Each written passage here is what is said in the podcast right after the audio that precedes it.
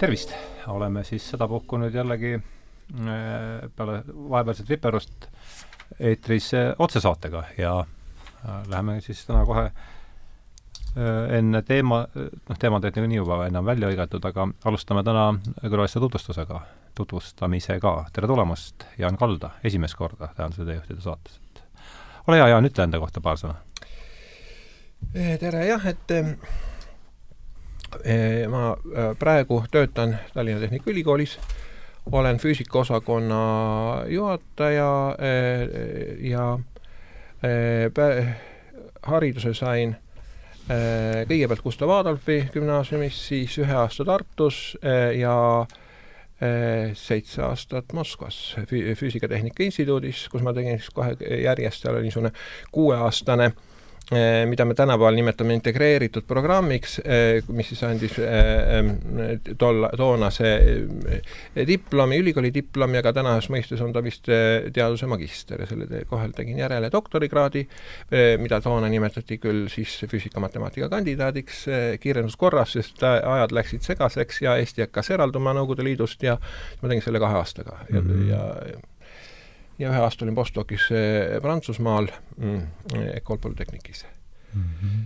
ja siis äh, nüüd, kui äh, selle füüsikahariduse juurde Moskvas tulla, et siis äh, äh, juhtus äpardus ma üritan e,. siis e, diplomi töö ja ka siis doktoritöö tegin e, Kuršatovi instituudis mm. -hmm Äh, plasmafüüsikast mm. -hmm. plasmafüüsika. plasmafüüsikast, plasma jah. on nüüd meil asi, see on äh, plasma on nüüd, mis asi see on, et oleks, üritan hiljuti mm. just äh, see on midagi gaasi ja jaa, no seda ei tasu nüüd segi ajada vereplasmaga, et see on hoopis teine asi, et eh, plasma on niisugune tegelikult, kui nüüd hakata noortele, eh, kes tahavad füüsikat võib-olla õppima hakata äh,, äh, reklaamkõned pidada, siis tegelikult plasma on päris huvitav tee, äh, asi, sest et tema on väga erisugune, et on, kui te vaatate neid, tänapäeval muidugi lähevad kõik juba LED-idele, üle LED-lampidele, aga on ka head ja ökonoomsed lambid on siis luminofoorlambid, seal sees on ka plasma mm. -hmm. Aga see on madala temperatuuriga temperatuuriline plasma, sest et temas on ainult väga vähe ioone, ehk siis kui Just gaasi hakkame kuumutama, kui me kuumutame gaasi, eh, siis gaas laguneb äh,, äh, hakkab vaikselt lagunema äh,, elektronid eralduvad ja jäävad alles ioonid ja elektronid ja siis ta hakkab juht, elektrit juhtima, seni kui need koos olid, ta ei juhi, sest kõik on neutraalsed, kõik osakesed.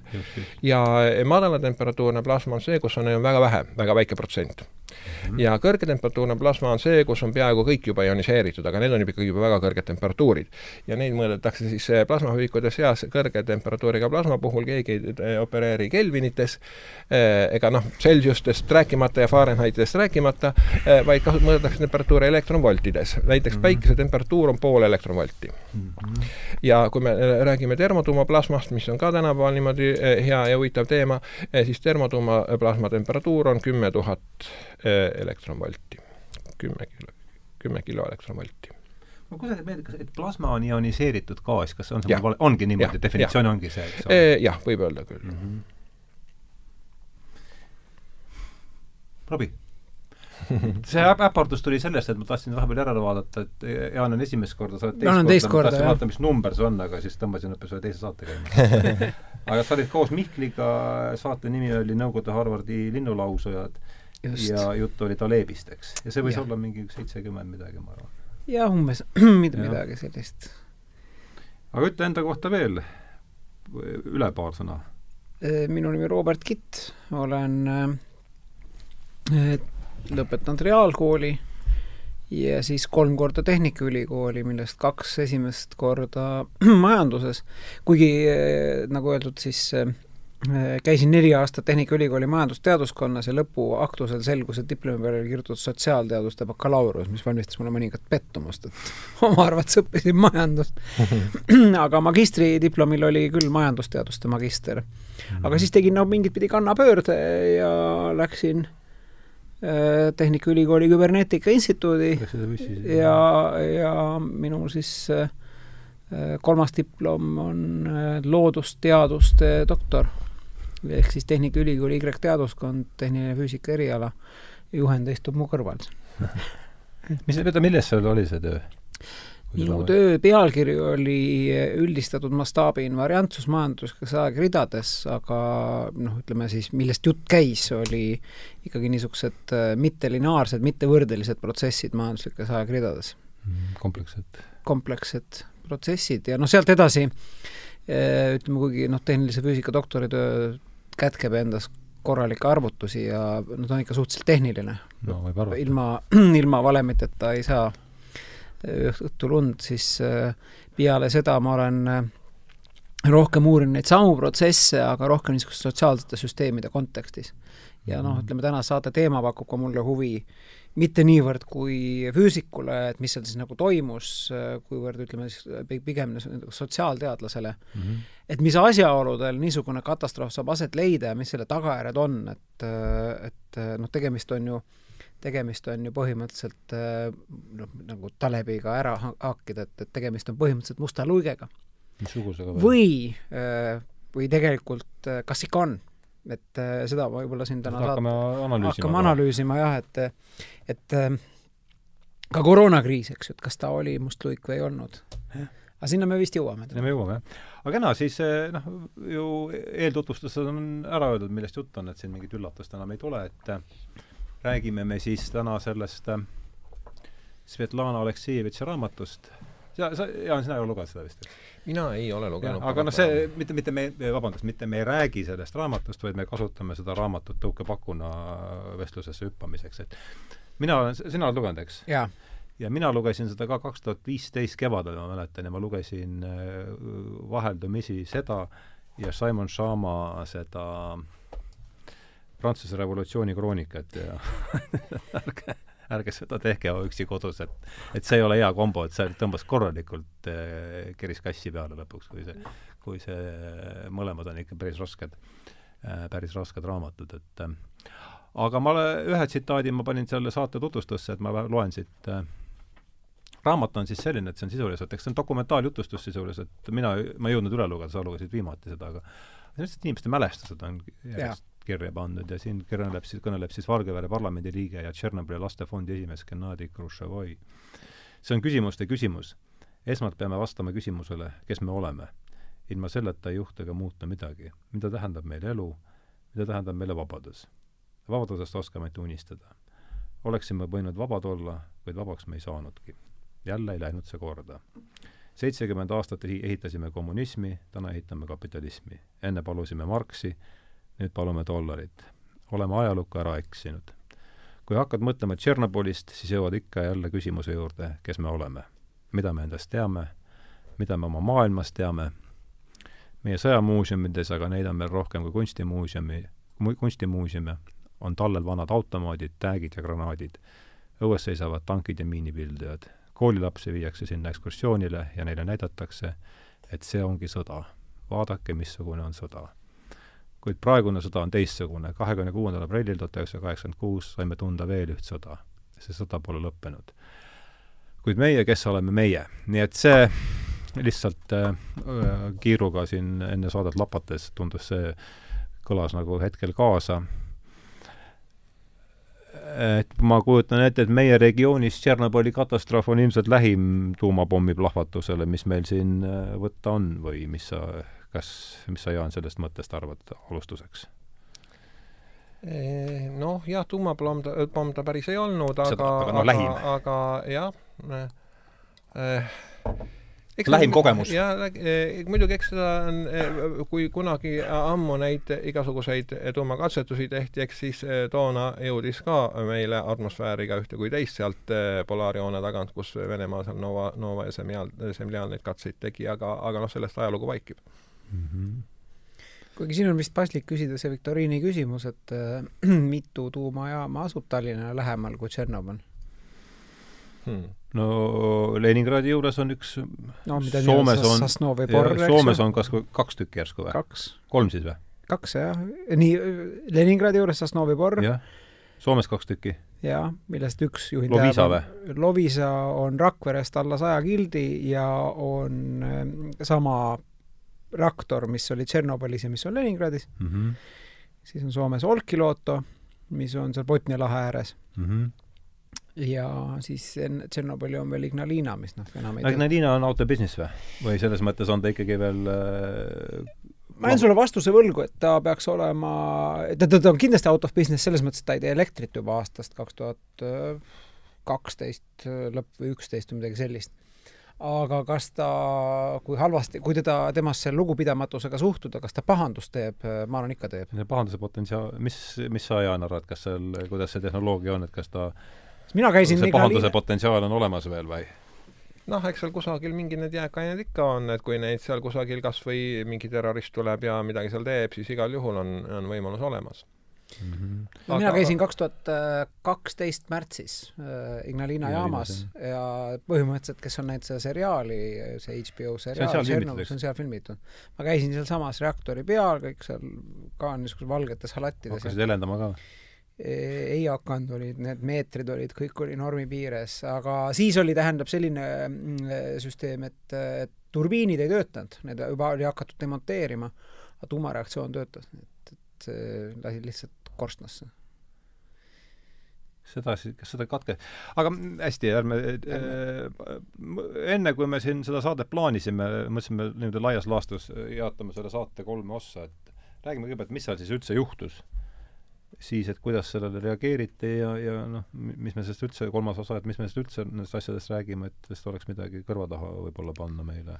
ma arvan, et siin on ikka, praegu on selline seis, et Robert äh, tõenäoliselt teab rohkem, mis seal juhtus, sest et äh, aga... et, et noh, ma tean küll füüsikat võib-olla äh, natuke rohkem, aga Robert on seda rohkem lugenud ja teab paremini seda teemat. sulle üldse pakub see, see, see saade tuli, see saade kasvas välja meil sellest Talebi saatest ja meil, mul noh, oli selgelt näha, see teema sind huvitab. miks see teema sind kõigepealt huvitab üldse, räägi sellest palun. näha, et see läheb sulle korda, et oskad sa seda vot see on nüüd, kui sa niimoodi selle mustvalgel välja küsid, siis yeah. ma loomulikult ei oska mingit ratsionaalset kiiret ma võiksin, ma võiksin öelda niimoodi, et, et Robert on tegelenud, eks ole, majandusega mm. -hmm. ta ja, ja noh, ütleme majanduses eh, on väga olulised asjad, just need majandus hüppab üles-alla ja nii edasi, eks ole. ja, ja Tšernobõl on ka niisugune üks, noh, ütleme terve meie elu on mingit pidi siis eh, üles ja alla hüppamine, mõned on suuremad hüpped, mõned on väiksemad hüpped, Tšernobõl on üks selline noh, nagu meie, meie piirkonnas tõesti üks selline olulisem sündmus, mis on ka nagu mingi, mis majandus majandusega võrreldes mingi suur äh, kukkumine, äh, eks ole, ja äh, ja et noh, võib-olla, võib-olla kuidagi sealt mingid need seosed tulevad, et kui, kui palju siis meil, meie elus need, nagu ta ütleme, mustad luiged, eks ole, et kui, kui, kui hullud nad on? no ikkagi kuskilt kirjandusest on selline tsitaat, eks ju, et inimesed on kogu aeg hullud olnud ja üksteist tahtnud maha tappa. lihtsalt kunagi varem ei olnud nad nii võimsad, et see ka päriselt õnnestuks mm. -hmm. ja Tšernobõl on kindlasti üks näide, kuidas Äh, inimeste poolt ehitatud siis masinad ongi võimelised äh, tegema noh, ütleme siis palju pahandust või inimeste poolt ehitatud masinad ongi võimelised maha tapma terve rida noh, teisi inimesi või, või siis, või siis loodust või mõlemad kombinatsioonis, nii et et selles mõttes mingi, mingi asi, mis on loodud äh, loodud inimeste kätega, osutub nagu väga pahaks mm. -hmm. või ütleme, paha, hea paha, ärme sinna lähe, osutub väga suure mõjuga sündmuseks aga head on sellest muidugi üsna vähe, selles mõttes. Tšernobõlis küll, aga noh, ütleme siis ma, ma ei oska öelda, et tuuma, tuumaenergeetika siiski noh, on no, üks, üks puhtamaid äh, viise elektrit saada ja aatomeid äh,, palju on maailmas riike, mis aatomeid purustavad, mis mingi viiekümne no see on juba teine teema jah, aga noh, Tšernobõlis endas, ütleme seal seda head ja paha skaalal, ega seal head on äh, no vot, tähendab, tegelikult siin terve selles paha, paha asjas, tegelikult ühte asja, mida tuleb hoolega mõelda, need noh, kui ka-, kui hull see meile siis oli. ja noh, Tšernobõlis ma vaatasin, seal mingid arvud on ka välja toodud, mingi kuusteist tuhat, üheksateist tuhat ja palju neid siis inimesi suri selle tagajärjel. Eh, noh, arvud on suured, kui me, kui me võtame kas või sellesama koroona, eks ole, siis ma arvan, et praeguseks need koroona arvud on suuremad või märksa see on üks mhm. asi. teine asi on see, et kui meil siin Eesti eh, külje all oli, eks ole, need eh, soojuselektrijaamad mm. -hmm. nüüd küsimus, kui palju inimesi on surnud elekt-, soojuselektrijaamade järele, tõttu? keegi ei tea aga noh, vaikne, vaikne reostus, et kellelgi mingi astma ja, ja noh, mis iganes ja seal saab ju ka ikkagi ühte kui teist mingeid raskmetalle seal tuleb ka lendu ja tõenäoliselt ja, Nõukogude soojuselektrijaamades ka mõni, mõni töötaja jäi kuskile vahele kinni. et noh, terve see statistika värk seal on niivõrd keeruline, kas või näiteks, et kui palju Hiroshima pommi järel inimesi äh, nagu ta, takka hiljem surma sai, et noh, ühed, lihtne on öelda, kes kohe korraga said. aga keegi sai nõrgema kiirtuse, keegi sai väga nõrga kiirtuse, nendest ütleme, ainult üks protsent, võib-olla isegi null koma üks protsenti või null koma null üks protsenti surevad, aga, noh, neid on hästi palju, et et noh, siin terve see statistikaline analüüs läheb väga keeruliseks. ja õiget vastust me ei tea Eh, paljudele asjadele. Ja noh, seda enam, et kui me saaksime palju katseid teha, eh, siis me hakkaksime varem teadma, aga see on selline asi, millega meile ükski, keegi enam eetikakomitee luba selleks, selliste katsete jaoks. Et... veel üks, veel üks, veel üks elektrijaam õhku lasta. Et noh, selles mõttes see küsimus, et kui hull ta ikkagi on, et noh, ma arvan, et ta on hull emotsionaalselt, eks ole, et, et tuu-, tuumalagunemine, tuumapommid ja need konnotatsioonid, kõik on sellised suhteliselt hullud, aga puhtpraktiliselt tegelikult ma arvan, et meil on siin olnud hullemaid asju Eestis isegi nii mm. -hmm aga no mis, veel kord, et miks see teema nagu kõnetab või kuidagi käima ke-, ke-, käima tõmbab, on, on äh, ikkagi just see, et, et noh, tegelikult äh, see, see ei ole ainult füüsikaline küsimus, siin on äh, äh, siin tuleb aru, ütleme ka kultuuriruumi küsimus, et äh, Nõukogude Liit suutis ideoloogiliselt kuidagi asendada äh, kiriku teadlastega ja teadlaste hulgas omakorda äh, olid ikkagi noh, ütleme füüsikud, eriti tuumafüüsikud, no ütleme see akadeemik Aleksandrov oli Gorbatšovi järgi teine, kes äh, kahekümne kuuendal partei kongressil sõna võttis mm. -hmm. Et äh, noh, see põhimõtteliselt võiks öelda, et mingit pidi Nõukogude Liidu number kaks mees. ja noh, see ei olnud patriarh, eks ju, kes sõna võttis, nii et millega tegemist on peale seda katastroofi, on tegelikult, tegelikult tegemist ka mingit pidi religiooni langemisega. ja, ja ja no loomulikult siin äh, Ukraina päritolu ajaloolane Sergei Plohhi, ma ei oska öelda, kuidas hääldatakse, nii moodne on äh, slaavi nimesid äh, kirjutada inglise keeles niimoodi, et mitte ei oska kuidagi välja hääldada, aga ilmselt Serhii tuleb hääletada kindlasti Sergeiks, aga mm -hmm. et no suhteliselt lihtne on joonistada korrelatsiooni ja kausaalsust sealt, et, et Tšernobõl oligi Nõukogude Liidu lagunemise nii-öelda kirstunael noh, ma ei tea, ma arvan, et äh, neid korrelatsioone on väga palju, kuhu on võimalik joonistada, kas seal ka kausaalsus oli, me ei tea, aga noh, fakt on see, et eks see kalliks läks, see lõbu. nojah. ja mis on üldse põhjus? aga see jääb teise saate, jääme praegu selle standardse mudeli mudeli raamidesse. et äh, nii, aga mis siis toimus kahekümne kuuendal aprillil? Tuhat üheksasada kaheksakümmend. ma sain üheksa-aastaseks alustamas. ja mina sõitsin, mina sõitsin äh, rongiga äh, Moskvast Tallinnasse. mina mäletan, mina, ma sain üheksa-aastaseks, sain, mul oli sünnipäev. sina pidid olema siis kakskümmend kolm või? no midagi sellist ilmselt. kaheksakümmend kuus jah, kuuskümmend kolm ja mina olin Sahhalinil, Vene kroonus kui see purakas käis, sest mina, me, ma olin Valgevene Vutšepkas ja meie väeosa ülesanne oli just see, et kui tuumapomm on plahvatanud, et siis meie ajame garaažist välja kas, kas viiekümne kolme või millel on kinnitatud aurumasin ja hakkame sellega siis järelejäänud mooduli ära üle pesema, noh nii et aga, aga selleks ajaks jah, kui see purakas käis, olin mina õnnelikult Sahalinil, nii et äh, mis siis juhtus? juhtus äh, esiteks Tšernobõli jaam hakati ehitama noh, nüüd on moodne see väljend in the middle of nowhere, ehk siis äh, Ukraina NSV tegi taotluse juba ammu, neil olid mõned tuumajaamad või nad tahaks veel saada, sest noh, ikkagi see oli kõige prestiižsem. Äh,. oli mitu asukohta. Ah,. seal oli see prestiiživärk ka, et saame endale sinna võpsikusse tuumajaama muidugi, sest noh, ikka veel kord, me, me räägime religiooni küsimust, me räägime, kõik, kõik, noh, kaugemale enam ei ole võimalik, noh, see on te teaduse, tehnika esimene samm ja kinnitati ära see koht Põhja-Ukrainas, mis tegelikult on juba nagu otsapidi seal Valgevene kandis, aga noh, Põhja-Ukrainas kinnitati ära, et Tšernobõli tuumajaam, see on pikk, pikk, eks ju, jutt, et tegelikult see Tšernobõli linnakene asus sealt ikka tükk maad eemal, aga noh, hea küll, niikuinii nimi tuli ehm, esimene asi, mis üldse valesti läks, on see, et, et neid samu reaktoreid, mis sinna ehitama hakati, eks ju, see Tšernobõli jaam oli konkreetselt esimene RBMK jaam. RBMK siis tüüpi reaktor reaktor esimene tsiviilkasutuses olev äh, reaktor, mille ehitas e-, Energeetikaministeerium. sinnamaani olid kõik niisugused reaktorid ehitatud äh, Ministerstva Srednei Mašinastreeni ehk Sredmaši poolt, mis noh, põhimõtteliselt oli ilus koondnimetus Nõukogude tuumaprogrammi elluviimiseks, millest mingi osa võis olla ka tsiviiltuumaprogramm, aga üldiselt pigem mitte.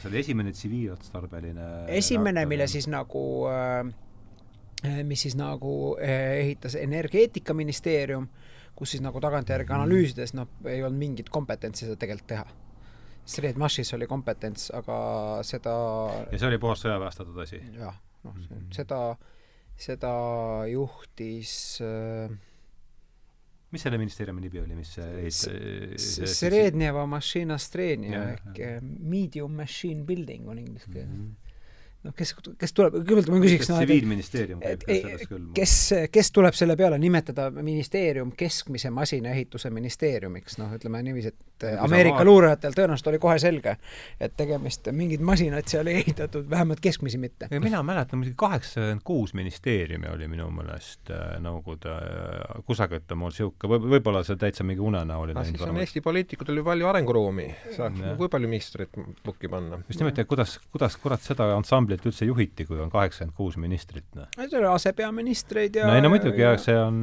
ega see tuleme, seda laulupidu ju ei juhata ära. tuleme storyline'i juurde tagasi mm., et, et siis et esimene asi, mis valesti läks, ühesõnaga see ehitati äh, ehitati siis Energeetikaministeeriumi alt või see läks tema haldusalasse, mis tekitas kohe võimuvaakumi. ehk siis Redmaš ütles, et me noh, sorry, et me siin, me ei tea midagi ja teised mehed ütlesid, me ka ei tea midagi, sest me veel ei tea midagi. see oli tuhat üheksasada seitsekümmend. seitsekümmend hakati ehitama, siis hakkas äh,, tuli noor äh, direktor Usbekistanist äh,, kes sai, eks ju, jaama direktoriks, nimi on keele peal, kohe ütlen kas see oli filmis ka või see oli jaa, jaa, jaa, seesama siis on mul on meeles see tegelas kohe küll. see võis olla. spikerdan siit, äh, noh, tegelikult peaks olema Viktor Brühhanov, eks ju mm. -hmm. See oli viiskümmend viis sündinud ja seitsekümmend viis sai mandaadi ehitada tuumajaam, nii et kolmekümne viie aastane mees, et, et Brühhanovile kindlasti ei saanud ette heita seda, et ta kuidagi noh, oleks ebakompetentne või paha või tuumajaamadest ta muidugi oli, ei teadnud midagi, aga vähemalt hakkas pihta. kaheksakümmend kolm lõpp sai siis valmis äh, neljas reaktor, esimene, teine, kolmas. see on see, mis õhku lendas või? jah. Äh, see sai valmis äh, ja üldiselt noh, nende mul on kaasas ka paar raamatut, et, et ütleme, see, see järjekordselt viitab mitte füüsikalisele, vaid sotsiaalsele majanduslikule küsimusele, on see, et sa küll teed, ütleme, mingid joonised või noh, ehitame tuumajaama ja selle peab tegema niisuguse asjaga, aga kuna sul on plaan, kuna sul on eesmärk ja meeletu defitsiiti igast asjadest, siis no käepäraste vahenditega direktorite roll oli see, et noh, kuidagi ühesõnaga, kuidagi sai hakkama ja no loomulikult noh, siin, siin on ka kirjas, et et eh, tegelikult kogu see projekt venis, ebareaalsed tähtajad anti ja ehituse kvaliteet oli noh, kohutav. küll seal pandi betooni, varastati ja nii edasi ja noh, ütleme lõppude lõpuks ka, mis eh, ju siin, eh, mis välja paistis, oli see, et, et noh, tuumajaama katust tõrvati üle, eks. noh, seda ei oleks tohtinud teha, sest see põles seal heleda lõigiga sõna otseses mõttes. aga noh, see, selleks oleks pidanud olema, projekt nägi ette, et see on mingi põlev, mittepõlev materjal, noh, mida parasjagu Nõukogude Liidus ei olnud võimalik kätte saada. Noh, mis siis teed? asendatakse? asendati tõrvakapiga no,. kättesaadava materjali. jah, et see, see on nüüd, nagu pikk eellugu. ja siis on terve rida nüansse. kahekümne viiendal äh, aprillil tuhat üheksasada kaheksakümmend kuus oli plaan siis neljas reaktor seisma panna ja ah, see oli see remont, plaaniline remont mingi jah, plaaniline seiskamine, noh siis selle käigus öö, tehakse noh, mit-, mitmesuguseid hooldustöid. ja noh, see on kõik väga normaalne. ja siis üks nendest hooldustöödest on see, millest ka palju räägitakse, eks ju, see nii-öelda katse siis, et no mis see probleem on, on selles, et kui kaob tuumajaamast elekter, tuumajaamasid tuleb, noh, selleks, et nad käitaks, neid tuleb jahutada kui elekter kaob ära, siis jahutus kaob ära, noh, kui jahutus kaob ära, on väga pahasti.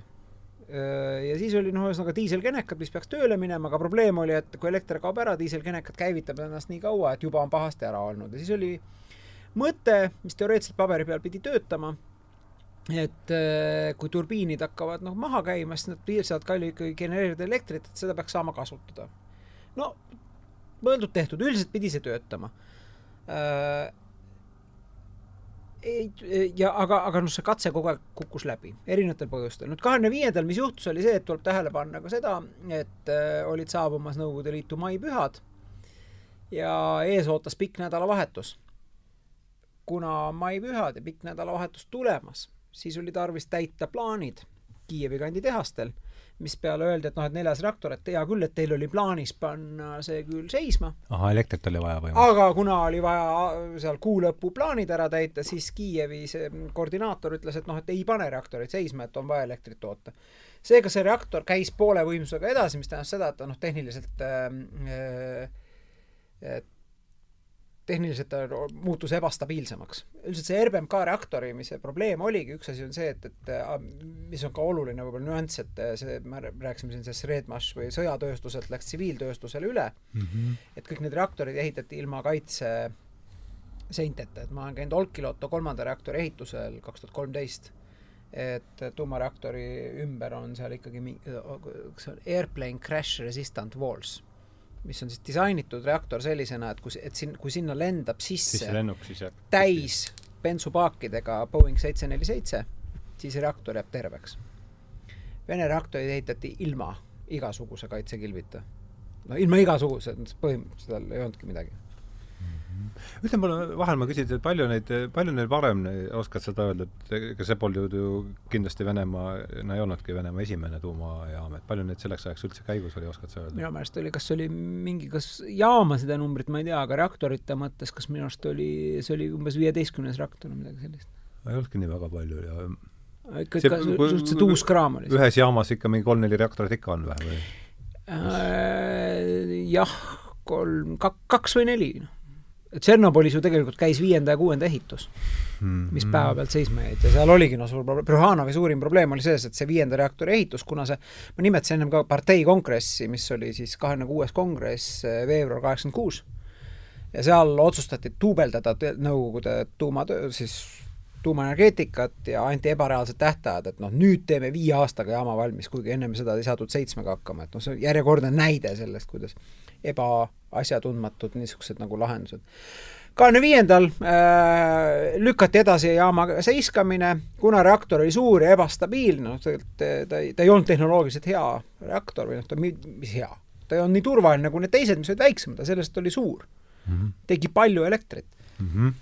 E, siis äh, juhtus seal terve rida nüansse, ükski episood ei olnud fataalne ja no, kõik kokku? kõik kokku oli no eks, eks see on noh, ütleme selles mõttes klassikaline niisugune musta luiga stsenaarium, et sul ei olnudki väikseid asju, aga vigade kaskaad lõppes katastroofiga. aga ajaloolased on ka siin jõudnud järeldusele, et noh, kui sa paned kogu selle storyline'i või noh, ajatelje aastast tuhat üheksasada seitsekümmend või pigem aastast tuhat üheksasada viiskümmend, kus Jefim Slavski, kes oli Sredmaši peadirektor, kakskümmend kaheksa aastat oli minister. Ja akadeemik Aleksandrov, kes noh, siis äh, Kurtšatovi instituudis kogu selle asja patendi omanik oli, see oli veel selline see on see RBK selle... RBMK RBMK patendi omanik oli küll vist Nikolai Tollesaal, kes oli ka seal. Et kui sa paned kõik need asjad järjekorda, siis ei olnud küsimus, kas lendab õhku, küsimus oli millal mm. -hmm. ja muide, Tšernobõli katastroof ei olnud esimene sarnane probleem niisugust probleemi oli veel ja kui Ignalina valmis sai, siis nad ütlesid, et kuulge, noh, siin on täpselt selline probleem, me peame seda nagu lahendama. selle peale patendi omanikud saatsid veidi täpsemaid, no mis on ka Nõukogude asjaajamine, miks mind see küsimus huvitab, et see, et et selle asemel, et öelda, meil on probleem, on potentsiaalne õhus, eks ju, see on, asi on ohtlik, selle asemel saadeti veidi parandatud user manual. ja kuna, veel kord, kontekst oli selline, et, et kõige püham asi oli plaan, kvoot ja selle täitmine, siis noh, kui keegi saatis user manuali, kus kirjas oli, et kahesaja viieteistkümnest ähm, stabiliseerimisvardast mitte kunagi ei tohtinud, kui ennem ei tohtinud üle, vist ei olnud seda piirangut, aga pärast tuli, et et kolmkümmend tükki peab sees olema, noh, see ainult ju takistas plaani saavutamist. Mm.. Ja siis äh, äh, noh, ühesõnaga see selline väike parandus tuli, seepärast et kuskil mujal ja viimane kommentaar, miks ka noh, ütleme, see asi on äärmiselt äh, kahetsusväärne, on see, et et jamasid on ka lennukeid kukub alla, aga lennutööstus on selline, et iga merepõhjas olev surnukeha on tegelikult ära hoidnud mõne järgmise surnukehast, noh seda õpitakse, analüüsitakse, tehakse lennukites pidevalt parandusi mm. -hmm. ükski masin ei ole ju perfektne. siis Nõukogude usk Nõukogude tuumatööstuse ülemuslikkusesse välistas ja riiklikul tasemel KGB salastas, välistas igasuguse võimaluse, et selles kuskil mingi viga võis olla. mistõttu oli ka välistatud eelmistest õnnetustest juhtumine. vist oli tuhat üheksasada seitsekümmend viis oli Leningradi jaamas, millest Sosnovi Boris äh, läks põlema üks reaktor. ja üle Eesti, kui Jaan ütles, et on suuremaid probleeme olnud, siis oli kindlasti palju suurem tuuma seitsekümmend viis? jaa, aga sellest igaks juhuks mitte kellelegi midagi ei räägi mm. -hmm nii, aga see, see user manual tuletas mulle meelde, et tegelikult kuidagi väga tuttavalt kõlas, et minu arust selle Boeing seitse kolm seitse Maxi juures oli ka mingi user manual'ide jama, et, et ikka oli, et, et nad ikka kukkusid, algus, jutud, et kuidas ikkagi ühesõnaga tehti selle nii, nii, niimoodi, et siis need piloodid ei peaks seal väga, ühesõnaga saaks pilootide Eh, piloodid ei tea ega oska ja siis ma, see süsteem ise võtab selle juhtimise üle ja sellepärast siis nad, need, see seitse kolm seitse Maxi eh, juhtimissüsteem tegelikult hukutas need, mis maha kukkusid ja mille pärast nad lennult maha võeti. kas see oli, see oli mingi suur, ma ei tea seda probleemi, see, see oli mingi suur see oli see hiljuti nüüd, kus need ühesõnaga äh, mis hiljuti, no suhteliselt paar aastat tagasi oli ju Boeing potis kõik need seitse kolm seitse Maxid. see oli ikka väga, tegelikult rahaliselt väga suur äh, löök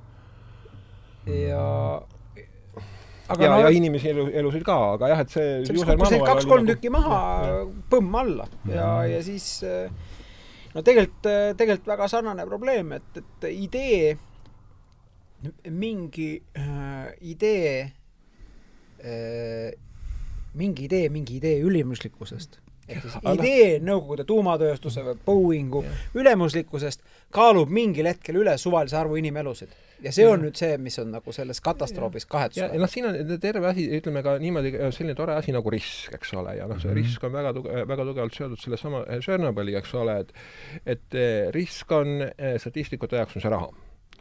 et potentsiaalne kaotus korda tõenäosus mm. -hmm ja, ja noh, kindlustusfirmade jaoks ta niimoodi ongi, eks ole, et ja niimoodi töötabki, kindlustusfirmad tänu sellele püsivad elus, et, ne, et nad teevad oma riskianalüüsi ja nende jaoks on risk raha. aga inimese jaoks, kes selles õnnetus surma saab, ei ole see risk raha, vaid see on noh, kõik on läbi sellega, et noh, selles mõttes see on nagu see filosoofiliselt ja fundamentaalselt eh, väga problemaatiline lähenemine. et võtta riski kui raha jah, sest äh, riski mõõtmisel rahas on veel see probleem, et äh, nagu Jaan ütles, risk on exposure korda uncertainty, tõenäosus korrutatud nagu see tagajärg. kuidas sa mõõdad tõenäosust? mulle meeldib kõige parem näide, et äh, siis kui see on küsimuste küsimus. USA süstik Columbia, mis lendas vastu taevast, seal mitte Challenger, aga Columbia, ta lendas taevasse ja siis lendas ka vastu taevast või noh, lahvatas, eks ju siis oli, et äh, jah, et meil on nüüd mingi järgmine rakett tuleb maha ja siis äh, NASA väitis pressikonverentsil, et noh, tõenäoliselt mingi probleem on, on üks kolmesajast. ja siis minu doktoritöö oponent Marcel Ausloos, kes on äh, ütleme, niisugune Jüri Engelbrechti kaliibri mees, et noh, noh, Marcel kirjutas väga huvitava artikli, eks ju, ütles, et aga, et huvitav, kuidas NASA nüüd seda tõenäosust üks kolmesada, kuidas ta seda nüüd täpselt nagu ikkagi leidis? ja kui kindel ta selles numbris on? et, et kuidas see number tuli, et kas NASA-l oli kolmsada raketti, mis käisid üleval ära, üks ei tulnud tagasi või no. kuidas sa seda leiad? et noh, kust tulevad eksant-, kust tulevad eksante tõenäosused? see on ka tegelikult väga sügav fundamentaalne probleem. filosoofiline probleem. et, et see on väga sügav probleem ka kõik, ühesõnaga äh, tegelikult meie tõe, tõenäosuslikud arvutused, suu-, noh, ma julgeks väita, noh, mingi üheksakümmend üheksa koma üheksa protsenti tuginevad Gaussi statistikal ja seal on ka hea põhjus, on see central limit theorem, selle nimi inglise keeles, eks ole, et kui me väga palju sündmusi, siis Just. nad ke, niimoodi ka noh, lõppkokkuvõttes keskmise käest lähevad sinna. selle, selle peal kogu see aga asi sõidab, eks? kõik Normaal sellised katastroofid, need ei allu Gaussi statistikale, sest noh, on olemas, eks ole, levijaotused, eh, nii-öelda siis nende jäme, eh, laiade eh, savadega jaotused, mille puhul central limit theorem ei kehti, sest et neil standardhälve hajub. tsentraalne piirteorem ütleb siis just seda, eks, et kui juhuslik suurus, mis koosneb äh, teistest juhuslikust suurustest, millest ükski ei ole määrav, see juhuslik suurus on jaotatud normaalselt. ta ütleb ühesõnaga jah, et kui, juhul kui äh, äh, standardhärve on lõplik, mm, -hmm. siis sellisel juhul, kui me võtame hästi palju sündmusi, siis keskväärtus on jaotud kas-, kausistatistikaga. just nimelt, sest ja. ük, ja, mhm. tähtis on, et ükski sündmus ei ole mhm. määra, et nad on ja. kõik aga, aga see, see põhieeldus on see, et standard hääl on lõplik, aga kui ta ei ole, siis ta ei kehti. teeme siin korraks sellise nagu time-out'i, et äh, kaussi jaotus, miks on hea ja miks on halb. hea on see tavaline kellu-, jah, see on tähtis, kellukene, eks ju, ta on hea, sest ta on lihtne arvutada, aga ta on halb sellepärast, et kaussi jaotuse järgi Äh, sündmuseid, mis erinevad palju või väga palju keskmisest sündmusest, noh, nende tõenäosus on noh, olematu. päriselus nende tõenäosus ei ole olematu. et no ütleme, needsamad komplekssüsteemid või levijaotused, millest me siin rääkisime, äh, siis äh, on täiesti adekvaatne tõenäosus näha kahe kilomeetri pikkust inimest, kui panna üle inimeste pikkusesse see, see sama tõenäosus et mm -hmm. jah, et kõik need tõenäosused tegelikult äh, ma julgeks arvata, tugi, tuginevad, ma julgeks arvata, et kõik see, see väga suur osa sellistest tõenäosuse arvutustest tuginevad eeldusel Gaussi statistikale, mis suures osas ei kehti ja mis kindlasti ei arvesta inimfaktorit. inimene on selline, mida sa ei suuda iial ennustada, milleks ta suuteline on, millise lollusega ta suudab hakkama saada. ja need on sellistest tõenäosuse arvutusest puudu et noh, kas või oli näiteks selline tore ja öö, siiski no, suhteliselt õnneliku öö, lõpuga näide oli see, kui see saadeti üles kosmoseteleskoop, eks ole mm. -hmm ja eh, seal tehti lihtsalt eh, mingi eh, arvutused olid siis tolli, sentimeetri, meeter ühikute asemel oli siis tolliühikutes ja, ja tulemus oli see, et see teise suur, suur peapeegel ei toiminud päris nii, nagu ta toimis, aga õnnelik oli ta sellepärast, kahe, kaks suurt põhjust oli, miks see oli õnneliku lõpuga õnnetus punkt A, pärast läks sinna kosmosemissioon, mis selle ära parandas, punkt B kas see on see Hubble'i värk või? just, just sellega läks, see, see uskumatu lugu on see. ja, ja, ja noh, meil on see, see on, eks ole, ka niisugune no kui kallis projekt ja aga inimfaktor on see, mis annab, et niisuguse tõsise sõja teeb ja noh, vedas, et see ainult oli, eh, noh, see oli siiski suhteliselt niisugune mitte fataalne Nad saatsid ju, eks ole, teise raketi järele, mis seda peeglit läks pöörama pärast, uskumatu. aga, aga jah, et mille pärast ta tegelikult oli, tal oli tegelikult veel teine eh, põhjus, miks ta tegelikult oli väga kasulik õnnetus mm. -hmm. sa räägid nüüd kummast äh, Hubble'ist? Hubble'ist, jah ah,. Hubble'ist, sellepärast oli ta kasulik õnnetus, et tänu sellele töötati välja sellised noh äh,, Eh, kujutisetöötluse algoritmid, eh, kujutisetöötluse algoritmid Aha. nagu siis eh, dekonvol-, dekonvolutsioon, et ühesõnaga, kui sul on selline kujutis, mis on hägune selle tõttu, et fookus on täiesti väljas, sa ei saa teravat pilti, aga algoritm pöörab selle ära ja kompenseerib ja sa, sa näed nii, nagu sul oleks tegelikult perfektne seade. et noh, tänu, tänu sellele osutus pärast hiljem võimalus seda rakendati ja saab tegelikult ütleme, kui on difraktsioonist piiratud pildid, lihtsalt noh, pilt on terav siis, kui on suur peegel eh, ja sest, et tema, temast difraktsioon on väiksem, aga, aga noh, hirmus suurt sa ei saa teha, eks ole, sa oled alati sellega piiratud ja sellepärast ta ka sinna kosmose saadeti, et atmosfäär seda ei segaks. -hmm. aga et, et noh, tegelikult sedasama algoritmi saab edasi arendada ja, ja seda difraktsiooni moonduse ka ära kompenseerida, saab väga ilusaid teravaid pilte, noh, tegelikult tänu sellele õnnetusele töötati välja äh, uus, täiesti uus tehnoloogia äh, ja, ja see viis tegelikult väga palju teadust edasi edasi mm. -hmm. aga no ütleme, selle õnnetuse puhul äh, äh, põles ära või sai hukka ainult raha. jah, just et see noh, ütleme et, see inimestele paha seal... ei teinud ja nagu me oleme siin näinud viimase kümne aasta jooksul, raha ei ole mingi probleem, et seda saab suhteliselt lihtsasti Frankfurdi suurde trükkida niimoodi. et no me ei ole või, või siis muudes puhvetites puhve, jah. et äh, aga inimesi tagasi ei too. ja, ja, ja ma arvan, et see on ka see Tšernobõli mingit pidi äh, õppetund, et äh, inimeste poolt ehitatud seadmed, mis, äh, mis inimeste poolt käsitsetuna põhjustavad nii palju halba, et seda lihtsalt ei pööra para-, tagasi. ja, ja me võib-olla ka sa-, saate järgmise peatüki juurde vaikselt siirdudes, et eh, kes on näinud seda HBO sarja, et siis noh, seal tundub, et, et äh, olid, kes olid, noh, selgelt olid mustvalged kujud, et on head ja pahad ja kõik oli hästi lihtne ja üldiselt noh, niimoodi äh,. päriselt ikkagi muidugi ei olnud ükski asi nii lihtne. ja päriselt, no ütleme, sealt seriaalist jäi mulje, et see peainseneri asetäitja Tjatlov, et noh, see oli täitsa nagu kaabakas no see oli see vuntsidega? jaa, see oli see vuntsidega, kellel oli see legendaarne meem, et äh, three point five äh, mikroröntgens. Not terrible, not great, but not terrible.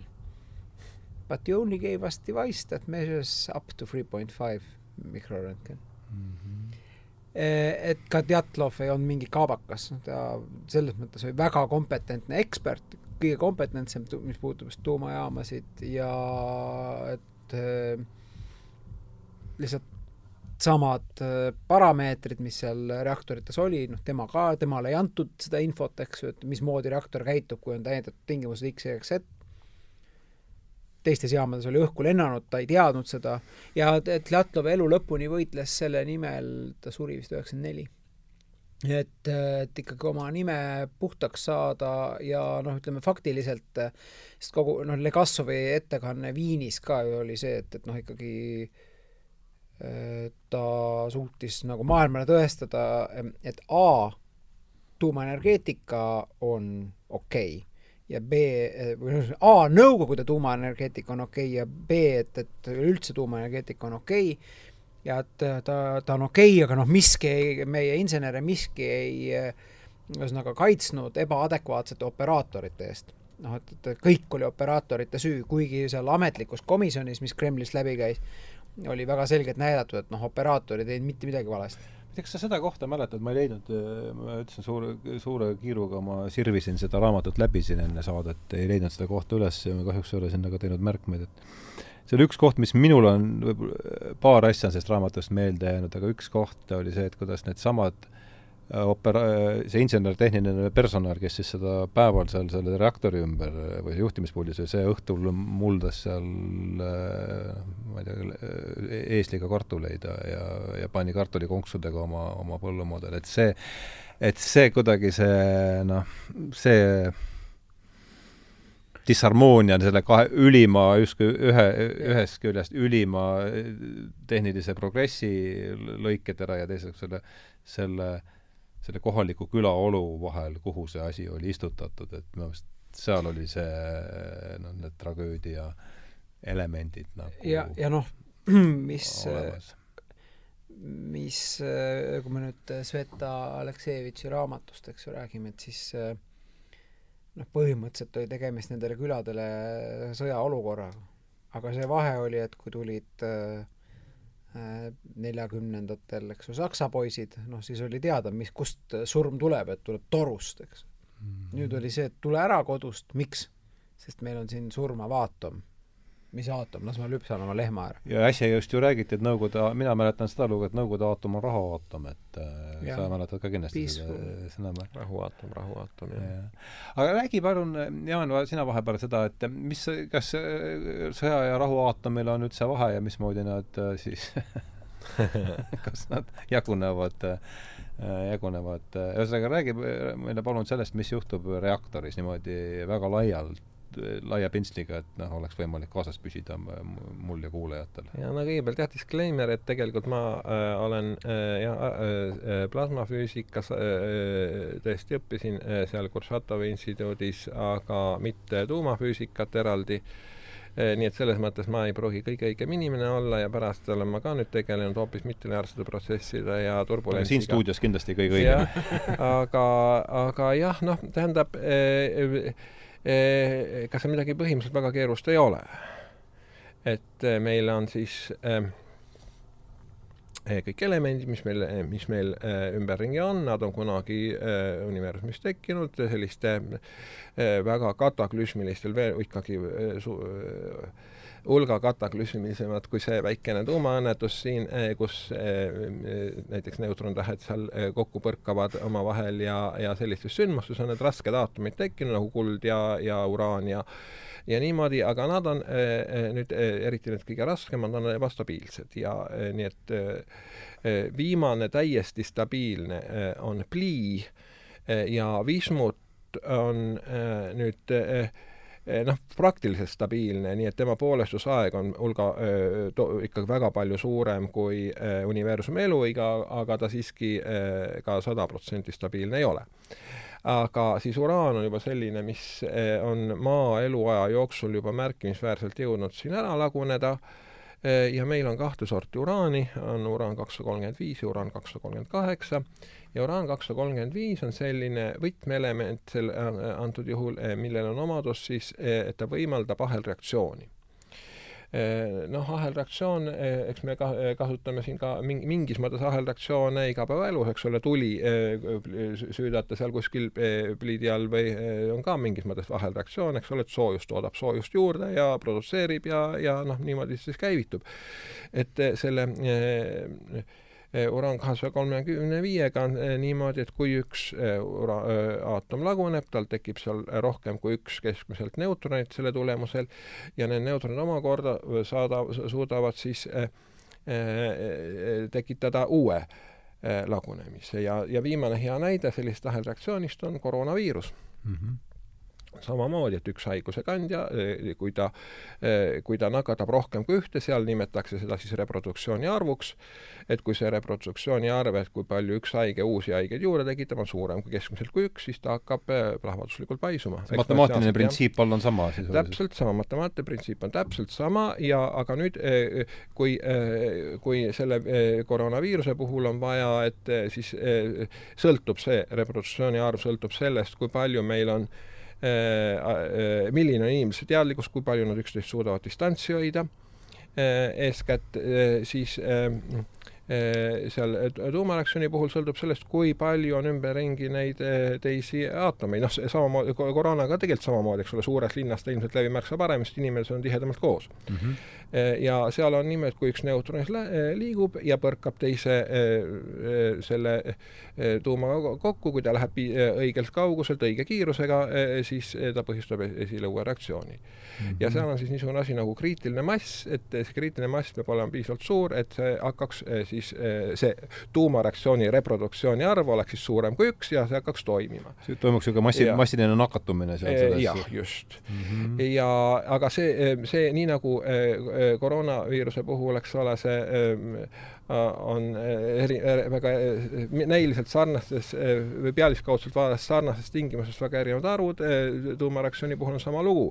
et ta sõltub sellest, see kriitiline mass sõltub sellest, kui tihedalt sa selle kokku paned, millise kujuga ta on, eh, kuidas ta on, noh, kas sul on ümberringi mingid peegeldavad asjad, mis neid eh, tagasi peegeldavad, eh, ja, ja noh, kui näiteks, kui me läheme alguses nende tuumapommide juurde, eks ole, siis seal oli niimoodi, alguses tekkisid tehnoloogilised raskused ja noh, tänu millele õnneks siis iga mees, kuigi nagu füüsiline printsiip on väga lihtne ja, ja noh, Põhja-Korea võiks seal ka, eks ole, et noh, mis seal ikka, võtame selle Eh, eh, lihtsalt õiget elementi piisavalt palju ja me saame pommi, aga ta nii, siiski õnneks nii lihtne ei ole, et, et, et kui ta, nüüd see plahvatus hakkab toimuma, kui see plahvatuse esimene soojus lööb need ele-, aatomid laiali piisavalt kiiresti, siis see ahelreaktsioon ei jõua õnneks väga palju toimida, et noh, tegelikult see nõuab väga head tehnoloogiat, et ta nagu siis need tuumapommis suunatakse need mm, uraanitükid sinna kõik väga õi-,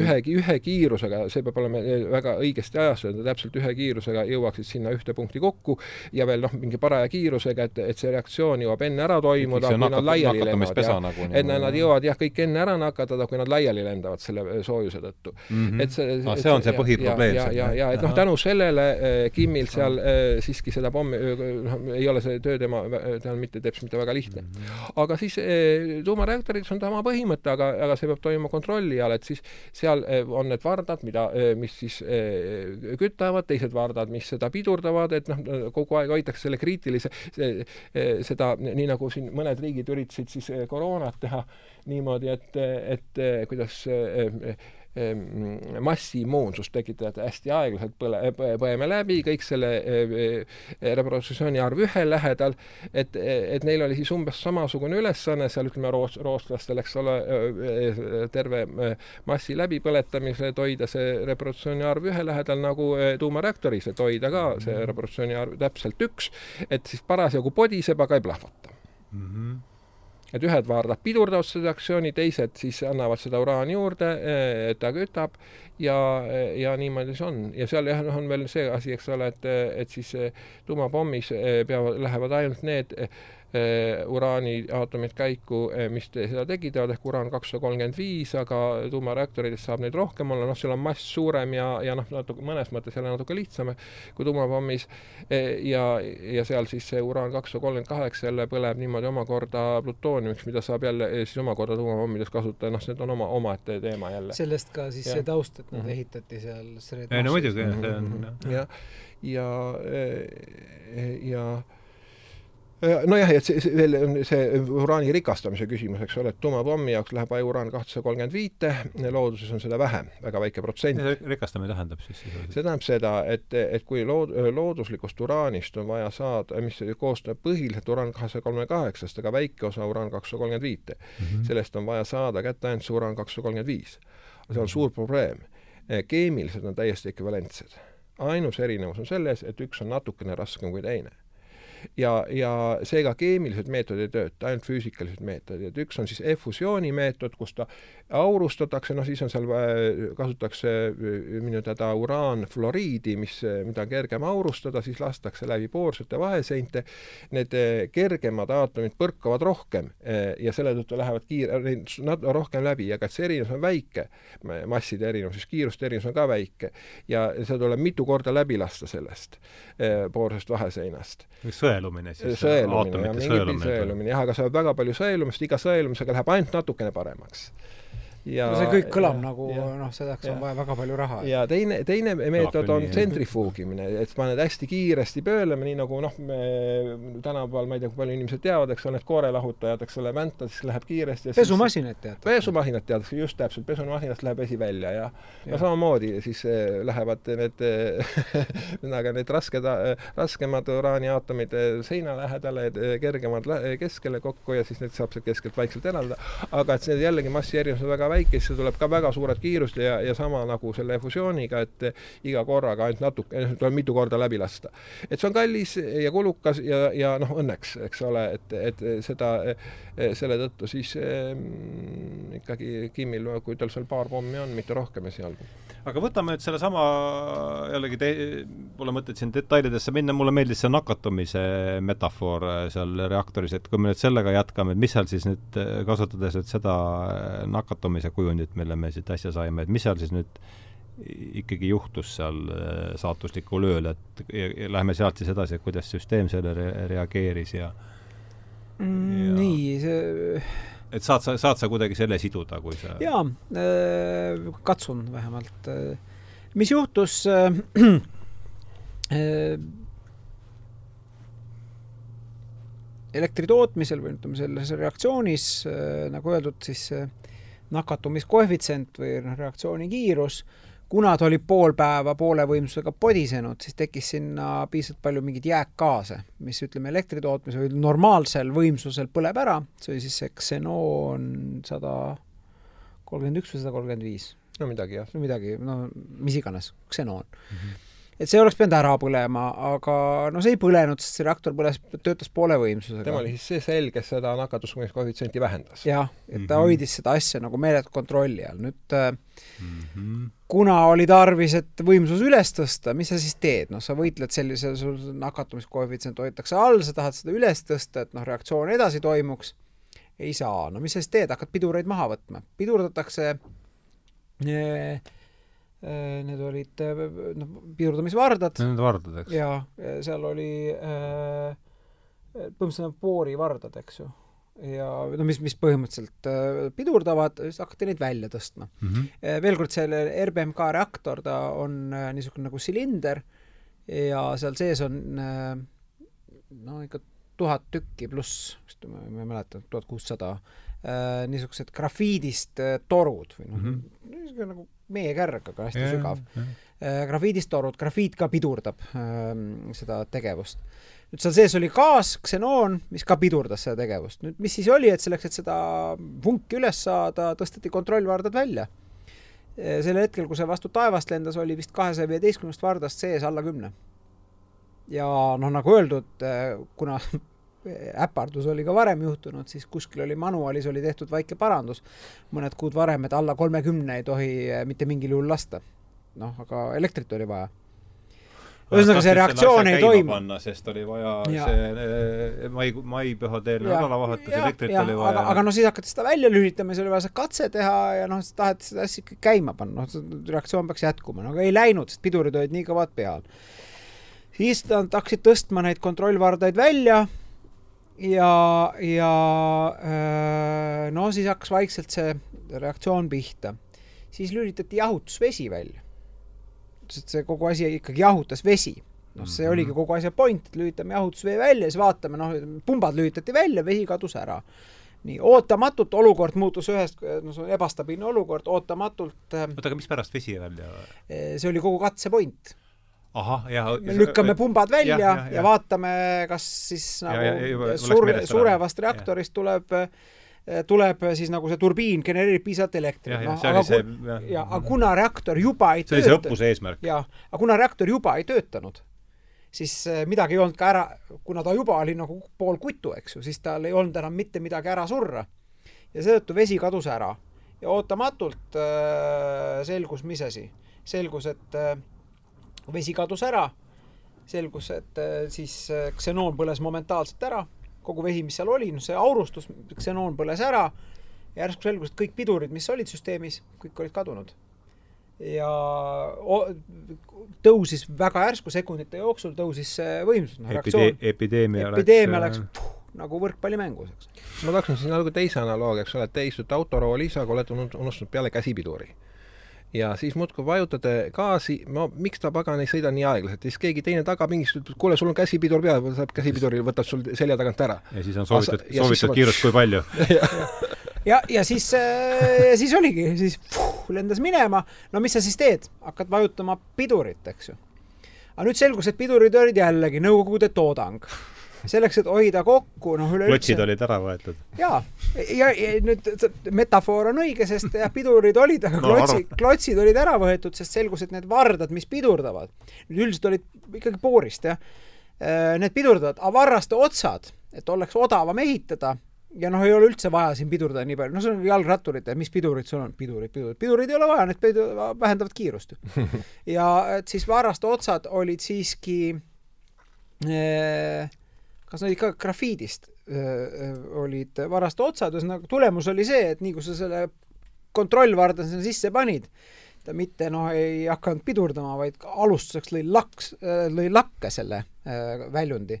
ja noh, siis öö, juba niigi ebastabiilne reaktor, mis nagu ei podisenud, vaid noh, nagu gaas mulksus seal peal, siis sa, mis peaks tootma, kas oli normaalvõimsus oli mõeldud oli ta opereerima tuhande kuuesaja megavati peal, siis viimane siis opereerimise pinge oli kolmkümmend kolm tuhat. Jah, mul on meeles ja siis lendas see vastu taevast. selles samas lõigus, mis ma siin enne tulutult otsisin, kus oli juttu sellest, et see insenerid, kes seal päeval äh, reaktori ümber äh, sehkendasid, need õhtul muldasid konksudega kartuleid, need minu meelest Aleksejevitš viitab, et nad kutsusid seda reaktorit kastruliks. Mm jah, võis olla see... küll ja siis see ülemine bioloogiline, see kakssada tonni kaaluv äh, see lendas kedas, mis lendas õhku, tõusis õhku nagu poti kaasa, kukkus natuke valesti tagasi. ja selles probleem oligi, et natuke, kui poti gaas kukub natuke valesti tagasi, siis aur pääseb ju välja. siis pääses oli... aatomisupp sealt ja. ilma rahva hulka jah, ja akadeemik Borovoi tegeles kakskümmend neli aastat pärast otsimisega, et kuhu kadus uraanikütus, seal oleks pidanud olema sada seitsekümmend tonni uraani, eks ei olnud mitte midagi. reaktoris ei olnud ja siis noh, see, see läks kakskümmend neli aastat, otsis seda seal mm. -hmm. kas sa mäletad, sa, sa tõenäoliselt ei mäleta, kui sa olid üheksa-aastane sellest kusjuures mäletan. mäletad või? mis sa mäletad? mäletan, äh, esiteks oli, et äh, no Nõukogude Liidus esimene info, et mingi jama oli, oli alles esimene-teine mai, eks ju. iga nädal aega võeti kinni, eks? jaa, kaks-kolm päeva Pripjati evakueeriti kolmkümmend kuus tundi hiljem. ta juhtus kahekümne kuuenda öösel, kakskümmend seitse päeva oli, evakueeriti Ai, ja Vremjas oli vist ikkagi esimene asi oli seal kas mai, et äh, kakskümmend kaheksa aprill või midagi. see oli siis, kui ma tulin rongiga, sõitsin eh, Moskvast Tallinnasse, siis kuskilt mingi rongiraadiost eh, tuli selle kohta, jah aga nii et sa, sa ka mäletad, ma just tahtsin kui... kuidagi jah, ma rohkem ei mäleta kui lihtsalt seda jah, et ma kuidagi rong, rongis esimene kord, esimest korda kuulsin sellest. aga millest nagu üheksa-aastane kutt aru sai, et on jama, on see, et ma olin, noh, mina olin siin pioneerlaagris mm. -hmm. Valgemetsa pioneerlaager.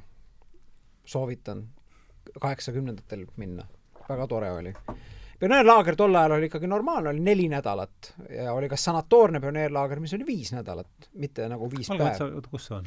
Põlva kandi, vast see kuustee seal. Äh, ja tollel suvel oli, siis kaheksakümne kuuenda aasta suvel, me olime ühe vahetuse, eks ju, ja kolm rühma, mis on siis kolm korda nelikümmend, noh, sada umbes, olid, olid valgevenelased mm. -hmm. ja nemad olid seal kolm vahetust. ja no üheksa-aastane, millest saab aru, et kui ta on neli nädalat kodust eemal, tekib koduigatsus. päris tugev. ja noh, siis ma olin lõpetanud, eks ju, teise klassi või midagi sellist, noh, koduigatsus, siis saad aru, et aga noh, et need poisid ja tüdrukud on kolm vahetust, kolm kuud on Valgemetsas. ja saad nagu aru, et noh, et see on midagi nagu palju-palju kangem kraam ja midagi on teistmoodi, aga noh, samas ju meile räägiti, et me oleme rahuaja lapsed. me oleme rahuaja lapsed, et oleks Lenin, võtaks sülle, eks. et aga, et, et noh, kuidas nüüd, see ei läinud üldse kokku.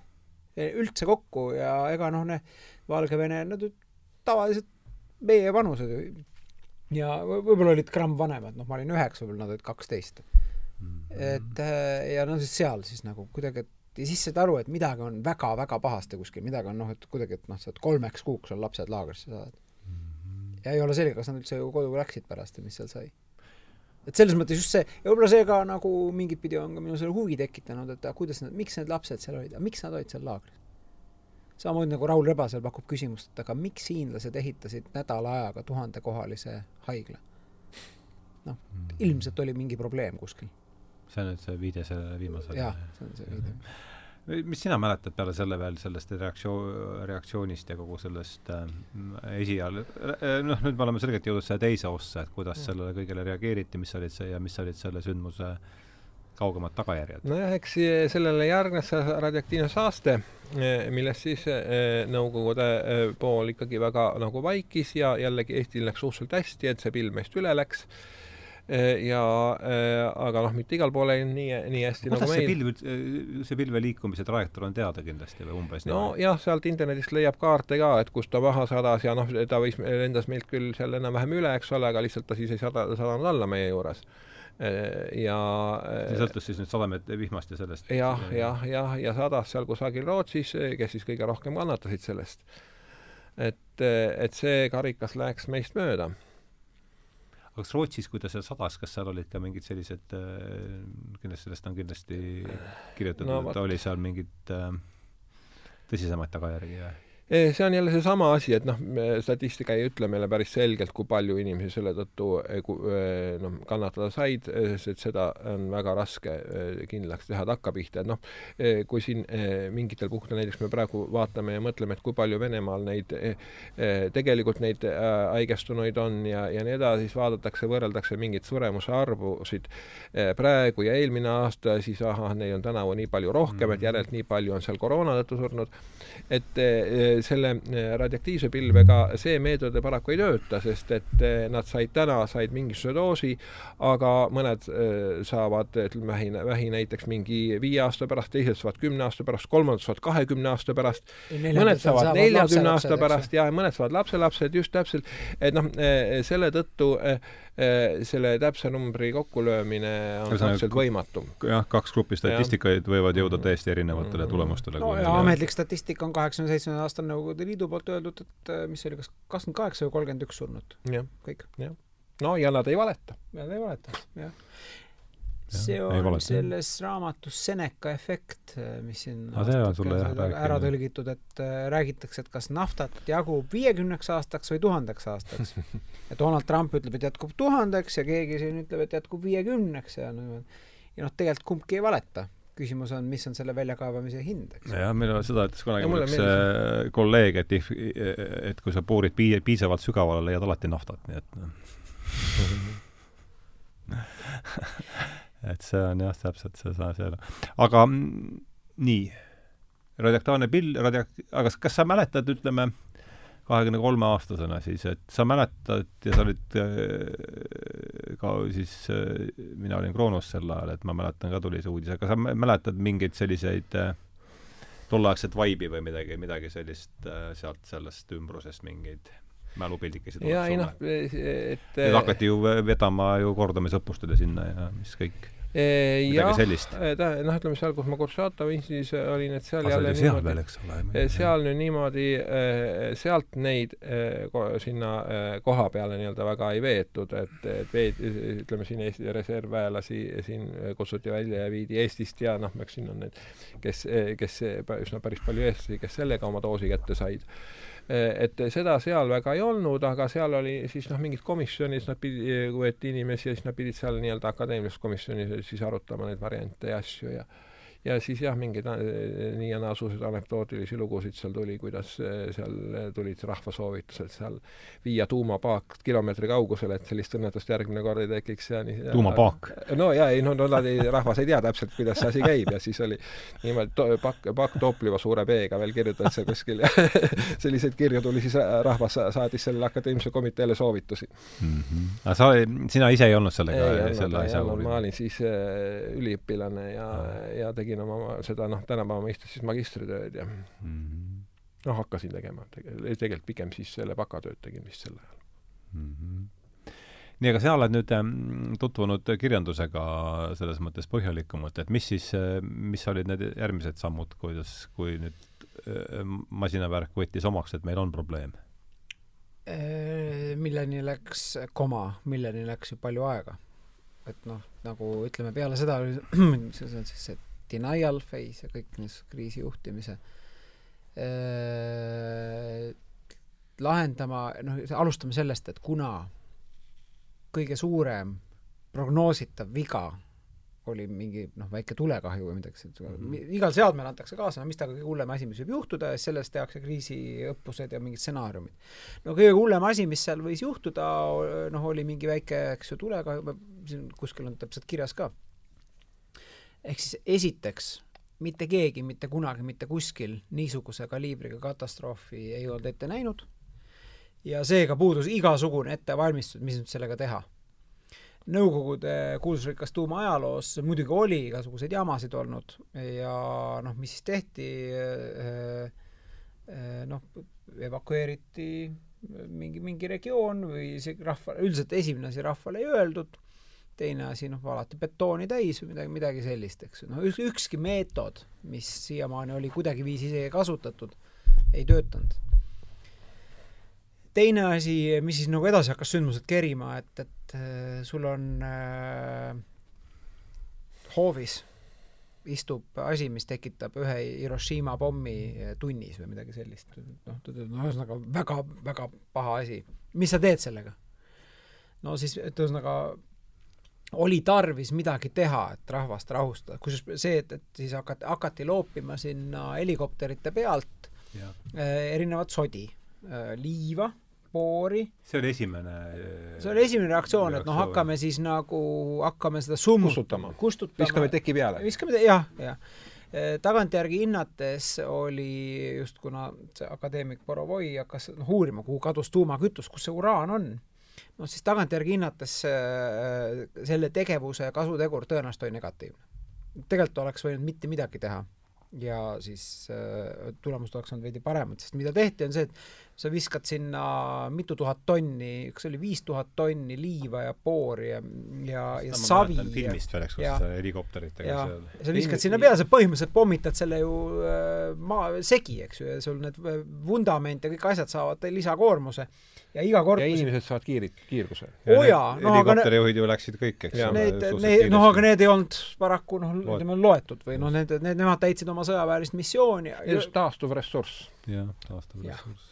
aga, aga ütleme, et noh, selles mõttes, et katastroofi likvideerimise seisukohast noh, see oli nagu parim plaan, mis oli mina, minu arvates noh, ütleme, ega sa ju langetad ka juhina, eks ju.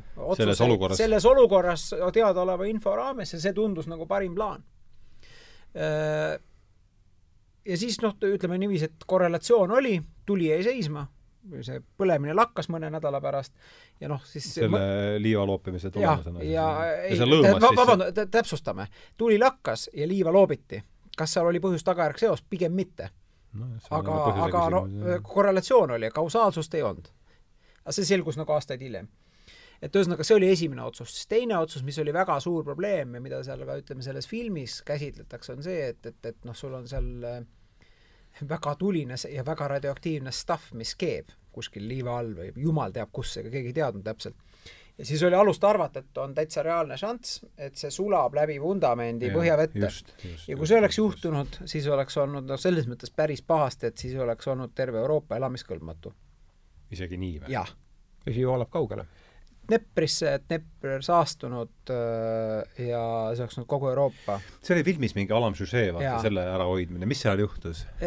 No seal oligi see, et, et sul on äh, põhimõtteliselt see uraani asi keeb seal või jaa, aga mida, mismoodi see, seda hakati ka lahendama? nii, ja siis see lahendus oli see, et, et äh, et kaevame, noh, midagi muud ei mõeldud välja, et kaevame sinna alla tunneli ja teeme sinna soojusvaheti ehk paneme vedelat lämmastikku täis, et noh, seda asja maha jahutada. Ah,. see oligi see tunneli ja, ja, ja, ja nüüd ütleme, mida filmist ei tule välja, on see, et, et see kaevati valmis, nelisada kaevurit äh, oli elu, noh, selle asja hind oli neljasaja kaevuri elu, pluss siis kogu Nõukogude Liidu vedela lämmastikuvarud see asi tehti valmis, seda ei pandud mitte kunagi käima. seda filmist välja ei tule, sest noh, see asi rahunes maha selle nädalate jooksul, et ühesõnaga see, see ei jõudnud sinna põhja, ta jahtus maha nii palju. Seda ei pandud mitte kunagi käima. ja need kaevurid läksid ikkagi suhteliselt kiiresti, eks, ega seal ei olnud pikka vindamist, on ju, see oli see õudne no filmis öeldi mingi number, et äh, veerand nendest ei elanud neljakümne aastaseks või noh, no mis sa tahad, seal on nagu see, see, see keskkond, noh. Aga, aga jällegi, et siin ei ole see, et eesmärk pühitseb abinõu, vaid see oli see, et see oli samas Kurtšatovi instituudis oli näidata, no seal tehti, kuna keegi ei olnud selle peale mõelnud, kui niisugune katastroof juhtub, siis need äh, Jaani kolleegid tollel hetkel teistes osakondades äh, tegid öödpäevad läbi tööd, et modelleerida, et mis seal juhtuda üldse võib. ja noh, siis sama äh, uraani kütusepellet või noh, niisugune kuulikene või graanul siis tuline, siis näidati seal tükke, kuidas nad on betooni sisse söövitanud, läbi, mispeale alguses ei tahetud heaks kiita seda asja kaevamist sinna, sest see oli nagu meeletu ressurss ikkagi, mis kulus, mitte ainult inimressurss, vaid muud. siis kui näete, et näed, et see üks pellet võib sinna betooni sisse niimoodi minna ja ära eksida suvaliselt, siis okei. okay noh, tehke valmis. et selles mõttes, seal nüüd oli küll see koht. see vedel, see vedel, see vedellämmastik siis pandi, ikkagi kasutati ära või see jaa, no see pandi sinna sisse, aga sest soojusvahet ei, ei olnud enam, seda ei olnud vaja. vaja no. seda ei lülitatud mitte kunagi käima, sest noh, ütleme see reaktsioon jahtus maha, aga see tõenäosus, nad hindasid ka, et oli mingi kolmkümmend neli või kas see oli kümme protsenti, oli, et see satub põhjavette, aga sul on tõenäosus kümme protsenti, et sa võid oma tegevusega kogu Euroopa muuta elamiskõlbmatuks, et see nagu on noh, liiga suur aga see kümme on ka ju hinnat-, hinnang, on ju. et põhimõtteliselt seal oli just see, et, et kui on nullist erinev positiivne number, no siis ei ole midagi teha, siis tuleb need kulutused võtta. see oli, ütleme, kõik veel niisugune võib-olla realistlik või noh, ütleme mõistlik nagu käitumine, mis oli nagu nüüd ütleme, järgmine asi oli see ju, et, et siis see likvideerimine, keerata maa pahupidi jah, see on, siin on dokumenteeritud on, seda äh, lugusid päris me-... ja seda siis tehti meedia. Nõukogude parima juhtimis, äh, siis juhtimismeetodite järgi, eks põhimõtteliselt täielik bardakk, noh, täiesti kaootiline, läbimõtlemata bardakk. ja noh, paraku äh, noh, see oli inimressursside mõttes väga kallis, et sealt tulevad ka need numbrid, et pool miljonit inimest on viga saanud, eks mm. -hmm. Korraks käisin läbi, et eh, Hiroshima ja paneks need numbrid ka kuidagi mingile skaalale paika, et eh, noh, seal sellist purustus eh, erinevalt pommist, seal oli ainult kiir, kiirguseks lööklainet märkimisväärset ju ei olnud vist, et nii palju, kui ta seda katet seal kastruli nihutas. aga mis need noh, jällegi, et see on mingile skaalale panna, et et mis seal need, võrreldes Hiroshimaga näiteks kiirguse hulk või ma isegi ei tea, kuidas seda kiirgushulk ikka vist on midagi jah, noh, vot niimoodi peast ei oska küll ei, lihtsalt äh, noh, noh, jämedalt ma ütleks jämedalt, ikkagi jah. väiksem, väiksem, aga, aga kui palju väiksem ma ja see Hiroshimas oli nagu ühekordne seal see asi jätkus, eks ju. Mm, ja just, ja, ja ma just mõtlen jah, et see aga küll on, aga ma siin lihtsalt vahel, kas sina mäletad seda, palju oli see, et sa, kõige suurem kõmakas, mis inimesed on teinud, eks, on see tsaar, venelaste see tsaarpomm, eks, kui pa-, kui palju see oli Hiroshimast äh, võimsam? oi, see, see oli ikka väga palju äh, see oli mingi täiesti ta oli ikka, ma arvan, kuskil suurusjärgus tuhat korda, kui mitte just, rohkem. jah, jah, sul on samamoodi mingid mm, -hmm. kui sa, sa leiad kergesti üles, see on mingi tuhat korda vist oli see, see uskumatu jah, no see oli juba seal siis see vesinikupomm, et tuumade liitumise reaktsiooni peal see tsaarpomm, eks ole, et ta oli juba natuke teine põhimõte sellisel juhul. Ja noh, tegelikult omal ajal, kui see tuumapommi tegemine eh, käis, et siis tegelikult oli äh, alguses nagu teadlased natukene isegi kartsid, et aga teeme, heakene küll, teeme tuumapommi, aga äkki me süütame sellega terve nii-öelda äh, maa need äh,, käivitame termotuumareaktsiooni. No, kogu palli oma, eks. ja, ja, jah, et see alg-, enne, enne selle äh, tegemist nad, nad pidid natukene arvutama ja vaatama, et ega, ja siis ei olnud ju arvuteid, see tuli käsitsi arvutada et see oli väike selline riskimoment, jah. see on ikka uskumatu. sa tahtsid öelda midagi? Ei, ma, sa ütlesid selle sõna ära, mis ma tahtsin öelda. Tuhat korda ja neid, no okei okay,, seda, seda on ük-, ja see, see kära-, kärakas ju tehti ära, eks ole. ma mäletan, Peterson selgitab tudengitele ühes loengus, et kuidas vesinikupomm töötab, et no hästi, et mida te teadma peate, on see, et aatompomme kasutatakse sütikuna. jah. Ei ole naljakas tegelikult, aga no, no ikka, et korralik tuli, sõidata peab olema korralik tikk. jah. ja mis see, palju seda šahtides meil seda purustusjõudu, keegi on kindlasti kusagil välja arvutanud selles, kogu see olemasolev see raketindus meil mm.? palju Nad jõudsid palju teha. see kõik kuskil seal istub mingit pidi on ju neid piiratud, eks ju, aga nojah, aga aga jah, noh, kui niimoodi ajaloolises skaalas võtta, siis tegelikult eh, kõik see on ka öömes, et, et noh, selliseid pauke on käinud maailma ajaloos palju, kõik need eh, dinosaurused väljasuremised ja, ja noh, kui tuleb ikka üks selline korralik mürakas seal kosmoses, siis on see ikkagi veel kõvem pauk mm. -hmm jah, mis äh, siin aeg-ajalt kuskil National Geographic kanalilt näha, kuidas noh, mingid äh,, mingid tüüpi inimesed on ehitanud kuskil Alaska metsadesse endale mingid no, mingeid varjendeid või asju, et äh, hoomamata seda, et noh, selline pauk, et noh, see lihtsalt äh, seal tundub, et see, see kiire aurustamine on jah. sellises olukorras võib-olla parem äh, lahendus. või, või ka noh, ütleme sama äh, kasvuhoonegaasid ja kliimamuutused, eks ju, ja nii edasi, et noh, et, et äh, ma Hardo, sa tead, et ma vaata kevad või ja aasta alguses siin nägin natuke vaeva ja uurisin makroökonoomika baastõdesid ja, ja siis meelde, proovisin äh, mingit pidi just vastata nagu küsimusele, et, et mida ökonomistid arvavad kliimamuutusest mm. -hmm. ja see oli William Nordhaus koos äh, kaks tuhat kaheksateist Nobeli majanduspreemia koos äh, Paul Römeriga, eks ju.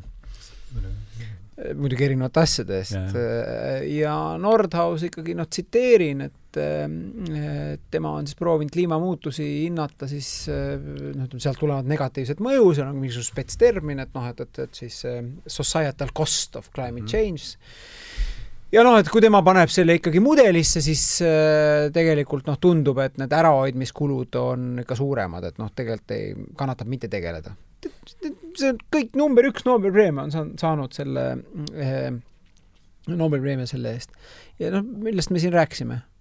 Kaussjaotus versus äh, muud jaotused. aga nemad tege-, kasutavadki kaussjaotust. jaa, ma tahtsin just jõuda sinna, et et see kõik on tehtud eeldusel, et, et noh, meil on sama makroökonoomiline mudel ja siis äh, noh, niimoodi vaatame, mis meil pikaajaline SKT ootus on. noh, see, et näiteks kuskil Itaalias võib minna keskmine temperatuur suvel viiekümne kraadini ja mingid kohad muutuvad elamiskõlbmatuks ja selleks ei ole palju vaja.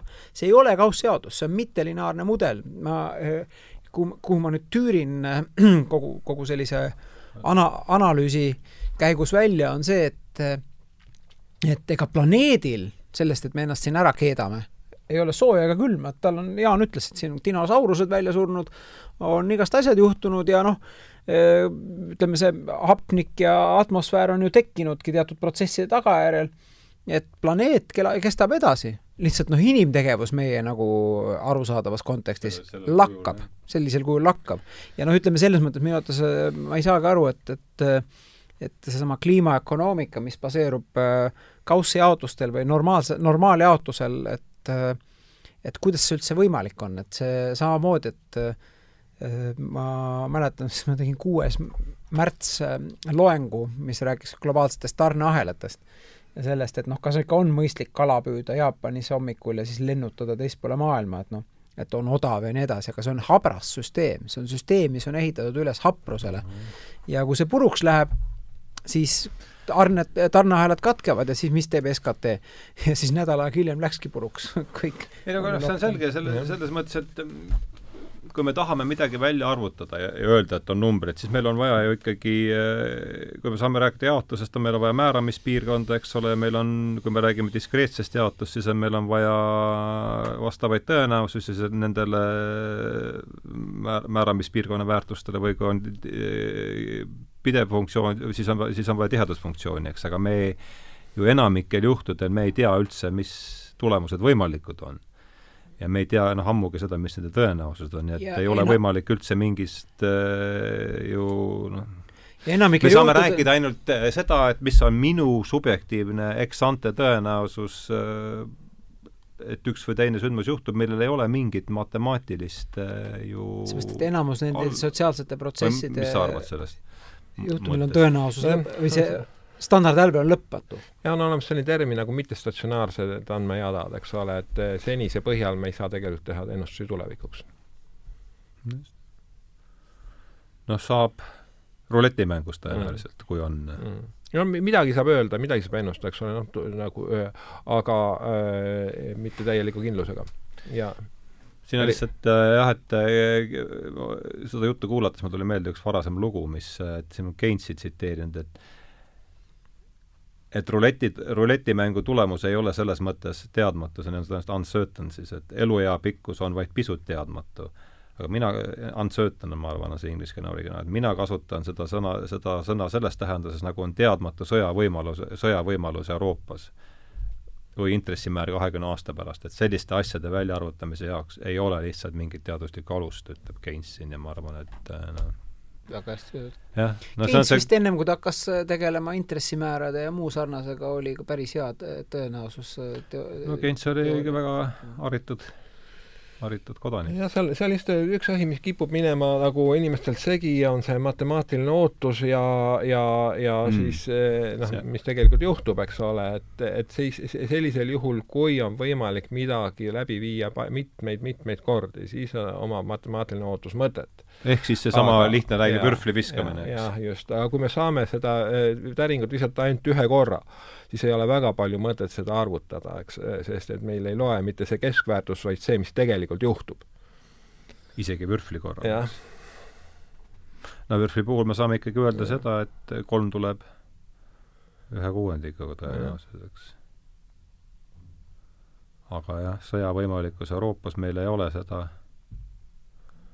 meil ei ole tihe-, meil ei ole me, me ei saa üldse rääkida mingist jaotusest ja me ei saa selles mõttes rääkida ju ka tõenäosusest sellisel juhul. ja, ja jah, kui meil on ainult üks realisatsioon, meid ei lohuta see, et see tuhandel juhul eh, seda ei juhtunud, kui meil see, meil, meil see üks tuhandik just juhtus. see ei ole meil mingi lohutus mm. -hmm.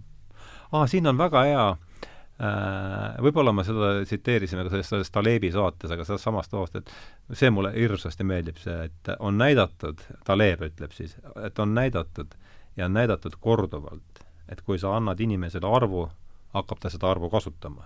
isegi kui ta teab, et see arv on juhuslik. inimese kätte ei tohi arve usaldada, olgugi et ega meil midagi paremat ka võtta ei ole. noh, ta siin selles mõttes sõnakasutus ei ole päris õige, et arv ei ole ju juhuslik, arv on ikka arv, aga aga see protsess, mis see arvu toodab, on stohastiline et see on ja. väga ilusti. ja nende kesk, keskväärtustest jah, seal pikad, eh, pikad jutud rääkida, noh, Feinmann eh, seal enne meenutas aga ei, see on huvitav teema, et äh, räägi, räägi. jaa, Feinmann meenutas seal oma selles äh, populaarses raamatus äh, Hiina keisri nina äh, anekdoodi, et mm. et äh,, et kui äh, eh, keegi ei ole näinud Hiina keisrit, ta on seal keelatud linnas ja keegi ei näe, aga tahetakse teada, kui pikk on ta nina. Eh, siis, aga hiinlasi on palju, eks ole, siis me viime läbi küsitluse, mis te arvate, kui pikk on Hiina keisri? ja, ja siis me kirjutame üles numbrid ja, ja arvutame keskväärtuse ja me saame väga suure täpsusega teada Hiina keisrina pikkuse.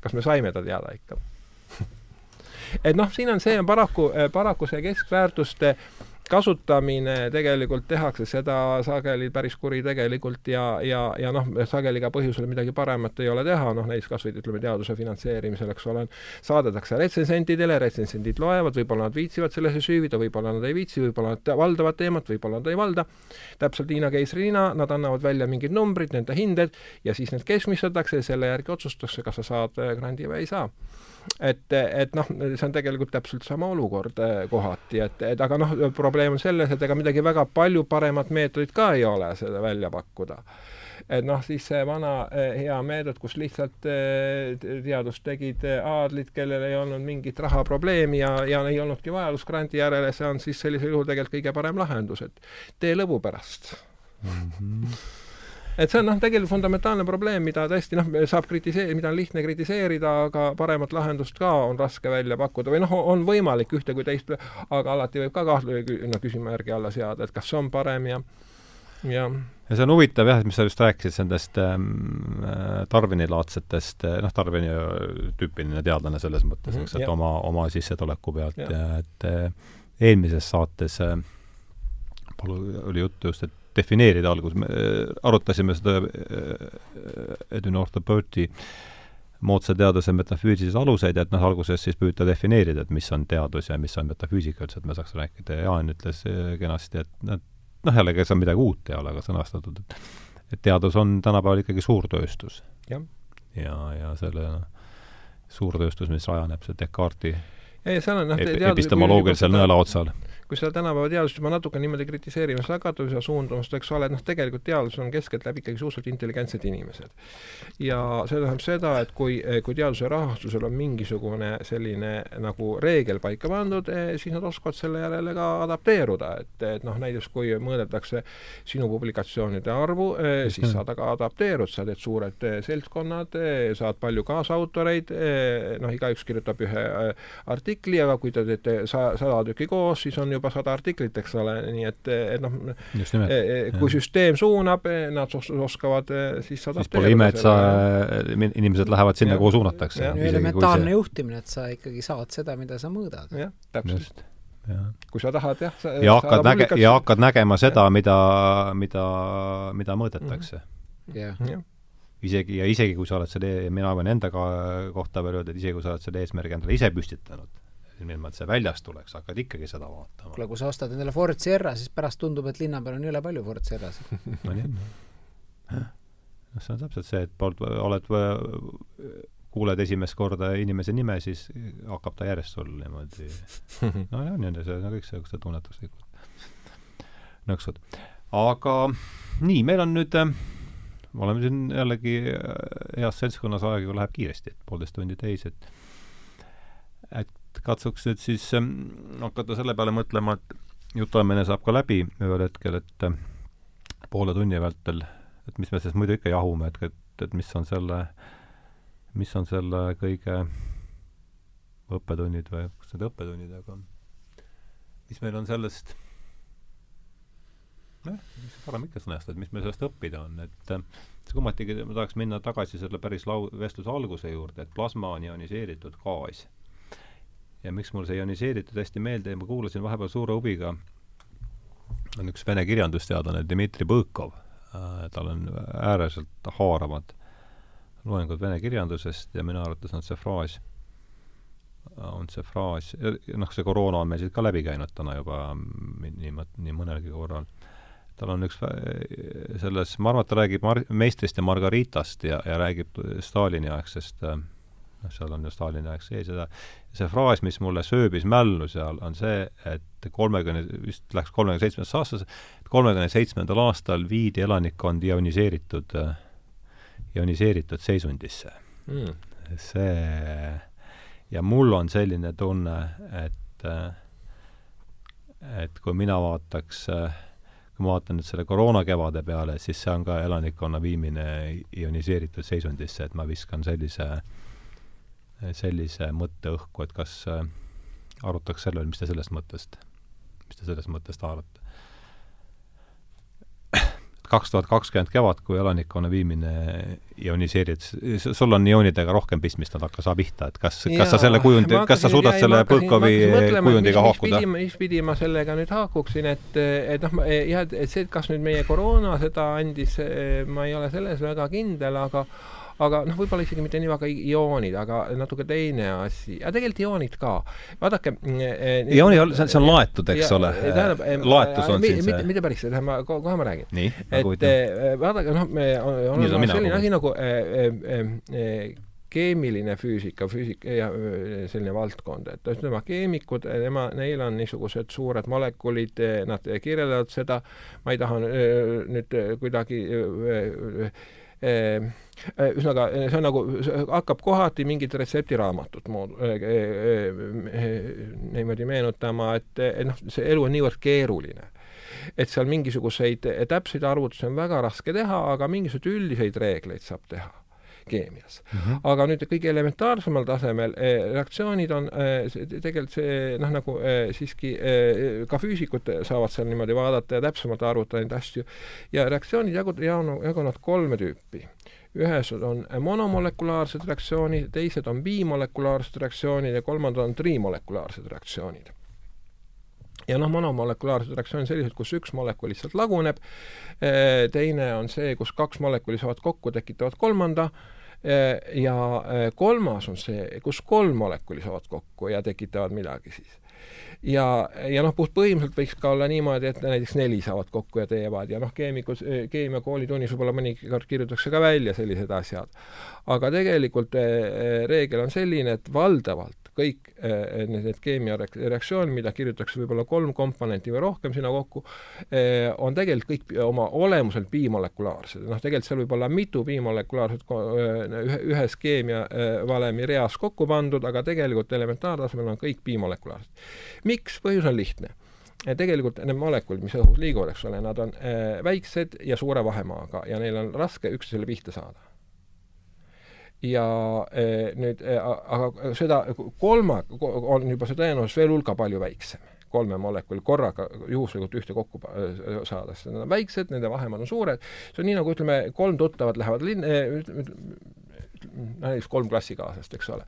tõenäosus, et linnas ühel hetkel kõik kolm kokku saavad, on väga väike aga et ma millalgi seal mingi aasta jooksul oma vana klassivennaga kokku saan ei ole nii väike, sest ma, mina liigun palju, tema liigub palju, kuskil ikka kokku saame, aga et sel, sel hetkel seal kolmas ka täpselt oleks, see tõenäosus on väga väike, eks ole mm. -hmm. ja noh, sellepärast mm, -hmm. sellepärast need reaktsioonid ongi kõik bimolekulaarsed ja noh, seal on veel lisa see, et, et nad, kui nüüd kaks molekuli kokku saavad, et nad reaktsiooni teevad Eh, selleks eh, on veel meil vaja piisavalt energiat, eks ole, on see Boltzmanni jaotus ja nii edasi, et noh, ühesõnaga kas temperatuur peab olema piisavalt kõrge, aga, aga ikkagi on nagu see suhteliselt väike tõenäosus, et kui nad põrkuvad, et see reaktsioon tekiks mm. -hmm. aga nüüd on äh, praktikas ainus, ainsad sellised trimolekulaarsed reaktsioonid kolme molekuli osavõtul on siis rekombineerumine, ehk no näiteks kui on siis äh, äh, tuleleegis näiteks tekivad niimoodi vabad radikaalid või siis needsamad ioonid, näiteks kui meil on äh, siis äh, selles äh, hõõg äh, äh, kuumlahenduslambis, eks ole, luminofoortorus on ka ioniseeritud gaas ja seal tekib kiirgus. see tekib sellest, et joon, kaks jooni puutu-, saavad kokku ja siis see energia liitumisel nad vabanevad, see energia eralduks ja, ja noh, seda me näeme siis. aga probleem on selles, et nad saavad küll kokku, aga nad ei saa seda energiat kuhugile visata Eh, et noh, see on energia, kus ei ole, see reaktsioon, kus ei ole energiabarjääri. noh, kõik normaalselt nad saavad kokku, neil peab olema eh, piisavalt energiat, see energiabarjäär ületada, aga seal seda ei ole vaja. sest nad noh, pluss ja miinus tõmbuvad, eks ole eh, ilma barjäärita. et, et see väike tõenäosuse tegur, mis seal läheb, läheb ära aga kui nad kokku saavad, nad ei saa energiat kuhugile ära visata, nad saavad kokku, aga lähevad selle tõttu laiali tagasi, et nad ei saa energiat ära anda. nüüd on neil vaja kolmandat ole-, osakest sinna juurde, et neutraalne aatom, millele nad lihtsalt annavad selle ära. et, et selles mõttes see noh, nagu ioniseeritud gaas, et see nagu siis niimoodi, et kõik inimesed on nii ärevuses mm, -hmm, et nad just. saavad kokku ja siis nad siis noh, kuidagi vahetavad ja siis kolmas on seal juures, siis kolmas saab ka sealt seda ülejäänud energiat ja läheb siis selle ülejäänud energiaga seal, seal niimoodi eemale.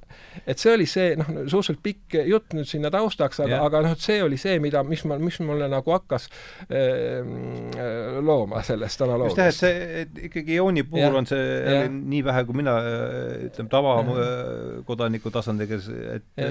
jooni puhul on laetus, on, eks ja, ole, see et, noh, kui oluline ühis, moment. kui ühiskonnas jah, kus me ütleme, et, et on need nagu ioniseeritud, see on seda, et kaks inimest saavad kokku, nad on nii noh, ärevil, ärgastuses, et, et kui nüüd see kolmas inimene ka seal veel juures on, siis nad viskavad selle ülejäänud energia talle, üle, ülejäänud viha eh, võib-olla või mille iganes ja, ja siis see kolmas läheb ja on ka samas seisundis eemal. jah, just, just. no aga see ei pea olema tingimata negatiivne, et ma ütleks, noh, laulev revolutsioon oli ju täiesti ioniseeritud positiivne lahendus, mis energia tuli ja mm -hmm ja tegelikult kes ütles, et oleme nõus hakkama kartulikoori sööma, peaasi, et ainult läks. jaa, noh, mina, ma ei tea ja nüüd on äh, minu, kui ma nüüd vaatan äh,, kui ma nüüd vaatan, ütleme, oma äh, noh, nüüd ka juba üle poole sajandi elatud, et et oma elust lähimat paralleeli selle kevade juurde vaadates ikkagi kaheksakümmend üheksa ja see on minu jaoks äh, sellise, ma ei tea, kuidas teie et minu jaoks on lähim paralleel praegu, praegu seal ja, ja noh, see ioniseerituse moment äh, ilmselt oli ka laula, laulva revolutsiooni ja. äh, ajal täiesti, täiesti olemas, et äh, mis te see, kuidas te, haakub see teie kogemusega või lükka-, et noh, veel kord, et minu jaoks on lähim paralleel ikkagi kaheksakümnendate aastate lõpuga praegu. oled raske on nojah, sa oled, meil on natuke, ei ma lihtsalt ega raske on vastu vaielda praegu aga ma räägin pigem see, et kuidas sulle tundub enda vaate otsast, mina selgitasin sulle, kuidas mulle tundub, et ega sellel ongi. jah, aga mulle, ma olen siin ühe korra kirja ka pannud, et ma katsun võimalikult konkreetselt väljenduda, et et noh, minu meelest et ühesõnaga, mis noh, üks dimensioon, mis nagu lasti kuidagi nagu lappama või äh, võeti piirangud ära, noh, raha tuli väga palju juurde ja noh, kui ma vaatan aktsiaturge, siis noh, tegelikult mingit kriisi ei ole olnud. inimestel ole kodus olnud, et noh see no see trükitud raha läheb ju otse kasiinosse. nojah, ma, ma vaatan Standard Poor's äh, viissada aktsiaindeksit, ta on ikka kõrgem kui aasta alguses, et noh, mingit jama ei ole olnud. ehk siis majandusmudel, äh, elementaarne mikroökonoomika ütleb, et tegelikult peaks nagu kõigepealt ära põlema equity või omakapital, noh, seda ei ole juhtunud, seda on lihtsalt juurde trükitud ja see on asemele tulnud, aga, aga nüüd veel kord, et mis mind häirib või noh, ütleme selles mõttes kogu selles, et siin, siin nüüd on otsus, on eks ju, lihtne on, plaastriga saab, eks ju, ähm, haavasid kinni panna, plaaster peale, nagu te, tegite haav, plaaster peale, kõik on, läheb edasi. Aga mis mind nagu häirib või kuidagi on see, mida siin Harari ja Taleb ja noh, teised on nagu öelnud, et kuulge, et noh, et, et me samad, ütleme, kliimamuutus ja globaalsed tarneahelad, kogu selline habras majandusmudel, mis on üles ehitatud, mis on noh, oma olemuselt niivõrd mittelineaarne. Rootsist oli juttu mm. -hmm. keegi ütles, et Volvo äh, veoauto ehitamisel on üle viiekümne tuhande komponendi ja üle tuhande tarneahela. noh, ma võib-olla on üheksasada kaheksakümmend viis, mis vahet, see on suurusjärk on suur, kokkuvõttes Rootsi on samamoodi väga noh, ütleme avatud majandus, väike avatud majandus ja tõesti, mis nad siis nagu tegid, eks ju, et, et noh, et nende puhul eh, see metafoor või see noh, retoorika, et me ei pane majandust lukku, no see tegelikult ei tööta, kui sul kõik need viiekümnest tuhandest mõni ikka lukus oli ja ikka mm -hmm. Volvo välja ei sõida. ja see on metafoor, ärge nüüd jääme Volvodesse kinni. väike, ühesõnaga integreeritud tarneahelad, globaalne majandus, aga mis siis saab, kui ikkagi üks päev tänu kliimamuutustele mingid ahelad permanentselt muutuvad. et siis ei ole võimalik raha juurde trükkida või plaastriga seda kinni panna.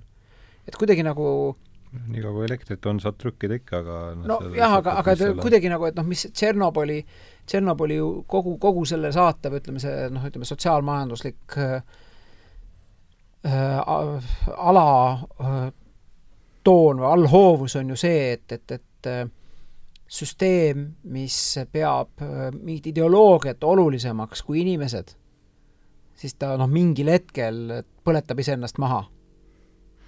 No, ja samas, eks see Nõukogude ideoloogia ju pidas ka inimest äh, sõnades oli, see kõik ju toimus, tuletame meelde, inimese õnne nimel. seda küll, aga lihtsalt oli see, et seitsmekümne aastane harjutus. inimesed, inimeste õnne, õnne nimel küll, aga noh, et, et kui sina oled juhtumisi see, kelle peale liisk langeb või noh, ütleme, ei sobinud, siis sul on jõle vähe kasu sellest, et äh, üldise hüvangu raames oli sind vaja surmata.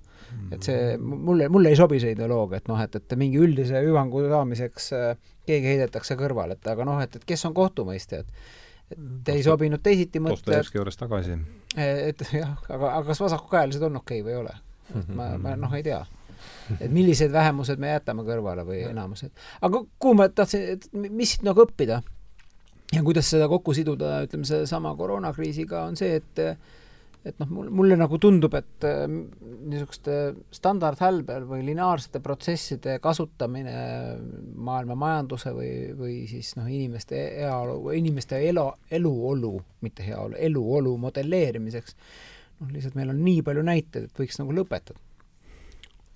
majandus ei pea olema efektiivne, majandus ei pea äh,, investeeringud ei pea äh, olema kõik maksimaalse rentaablusega, kui noh, sul on äh, riskikaardil on see, et, et sul läheb see Tšernobõlist tulenev äh, radioaktiivne löga läheb äh, põhjavette nojah ja no siin on äh, üks oluline asi minu arust, mis on ka äh, äh, korra siin juba sai mainitud, oli see inimfaktor, eks ole, et noh, kui Tšernobõli oli kaks asja, eks ole, meil jõuduks Tšernobõl ja siis see Boeing seitse kolm seitse Max mm. -hmm. et kui ühel juhul oli nüüd, põhjustas selle hullu olukorra see, et inimesed lihtsalt noh, me võtsid natuke valesid otsuseid nagu juhu, kõigepealt need seadmed olid nagu olid ja siis võib-olla mitte kõik otsused ei olnud päris õiged, eks ole, mis võeti.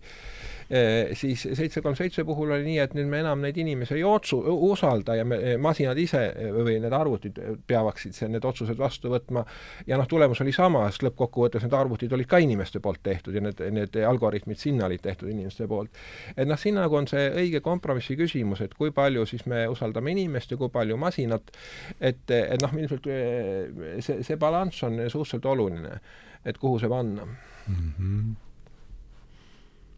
nojah, kõik on lõpuks no sellest äh, tehisintellektist oli meil siis omaette saade ja et mis see siis nüüd on, et kas see on mingi omane, et et nojah, et kas see on, kas ta on ikkagi lõpuks haamer või on ta midagi siis, midagi, mis elab ja. oma elu, et ta on ikkagi jah, ja noh, üld-, üldiselt kipub niimoodi, et, et paraku need äh, need, kes asju teevad, et need pea, üritavad inimesi hästi lolliks pidada, et noh, näiteks kas või seesama kõikide poolt, suure hulka inimese poolt kasutatud Windows opsüsteem, eks ole, et et mingil hetkel eh, kuk-, mul just nüüd hiljuti oli, oli hästi kiire, oli vaja midagi teha, arvutisüsteem kukkus kokku, aga siis see opsüsteem tahtis tarkvara uuendada, kõigepealt kukkus kokku, siis andis raporti, et midagi läks valesti, siis hakkas tarkvara uuendama, siis tarkvara uuendamine ebaõnnestus siis ta hakkas seda taastama, eh, seda eelmist olukorda no väga tore otsus jah, aga ta tegi seda väga valel ajal ja see võttis umbes pool tundi või tund aega sel ajal, kui tegelikult mul oli väga ajakriitiline.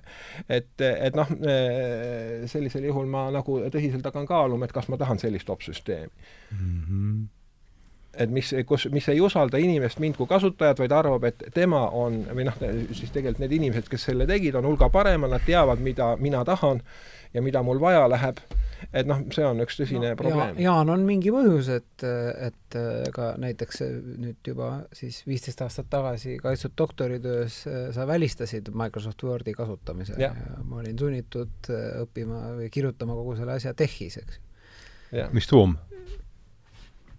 oi. Nüüd on täitsa, nüüd avasid Pandora laeva paari sõnaga tegemist on programmiga, mis sinu poolt koostatud äh, koodi teeb ilusaks tekstiks. ehk siis erinevus Wordiga on see, et Wordis sa näed, mida sa kirjutad, what you see is what you get. ja, ja, ja, see on see ideoloogia. aga Teh on kompilaator või programm, mis sinu poolt kirjutatud koodi, kus muidugi enamus on tekst, eks ju, aga ta siis võimaldab äh, võimaldab selle, teeb ilusaks. ja noh, valemid loomulikult, eks ju, et ma, ma valemit defineerin mitte pildina, vaid valemid on, ma kirjutan sinna, mis ma tahan, vastavalt koodile ja siis, kuna me oleme siin ausalt öeldes hetkel ülikooli seinte vahel niimoodi, siis ma ei jäta kasutamata võimalust, et torkida kõiki Eesti ülikoole, et äh, selle asemel, et äh, vormistada või noh, ühesõnaga anda üliõpilastööde kirjaliku vormistamise juhendeid, kümneid lehekülge Wordis, tuleks teha CLS fail ehk siis stiilifail, mis on vastava ülikooli stiilifail ja siis kõik õpilased kirjutagu teksteditoris oma tekst valmis ja stiilifaili panemisel tehhi muutub ta ilusaks, kõik mm. -hmm ja, ja ühesõnaga, eh, kui Wordi puhul ma ütleks, et see ei ole eh, see, eh, need lühend, eks ole, tegelikult on, eks ole, what you get is what you see. Ja LaTeXi puhul on niimoodi, et what you want is what you get mm. -hmm aga noh, see natuke on keerulisem. nõuab nagu jälle hoolte püsivust jälle omandamine. aga jah, ma kasutaksin siis juhust teha reklaami meie Tehnikaülikooli äh, äh, rakendusfüüsika õppekavale, et meil on tegelikult äh, esimesel kursusel on kohe kolme EAP-ne LaTeX kursus praegu. väga hea no lihtsalt, eh, kes nüüd hakkas eh, LaTeXit eh, maha laadima, et ega see nüüd nii lihtne ka ei ole, aga aga no. tegelikult see on ka tehtud tegelikult päris lihtsaks, et praegu ühesõnaga siis, kui sina oma seda doktoritööd tegid, siis ta oli natuke keerulisem, aga praegu tõmbad alla MIGTechi distributsiooni ja ready to go. no lihtsalt maakeeli tähendas ja. see seda, et ja. ma kirjutasin doktoritöö notepad'is, eks. noh, lihtsalt võr võrrelda. puhas tekst. puhas tekst, jah ja.. mõned käsuread olid ka hästi, lõpuks oli ilus. ja ta näeb hulga parem ja professionaalsem välja. ma küll ei tea, kuidas me Tšernobõli juurest LaTeXini jõudsime. no see ongi vestluse, vestluse maagia mis hakkab äh, meil küll varsti äh, kokku saama, aga ma ei tea, mul kuulates seda asja ja, ja, ja kogu seda vestlust ja üritas seda kokku tõmmata, tuleb mulle meelde ikkagi see tõdemus äh, koroonakriisi eelsest viimasest saatest, kui olid äh, David Ilmar Beecher ja, ja, ja Mihkel Kunnus saates ja rääkisime Moby Dickist, et et ega sihuke absurdne,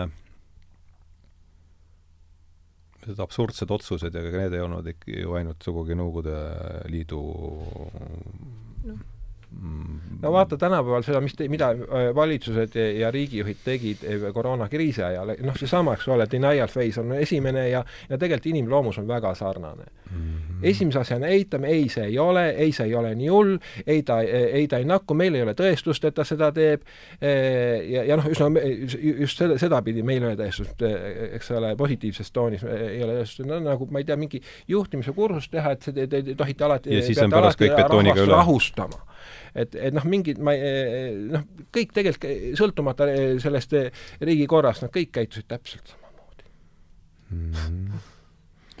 nojah. esimene on ikka eitus ja siis on, hakkab tasapisi tulema, siis lõpuks on endal maskid ees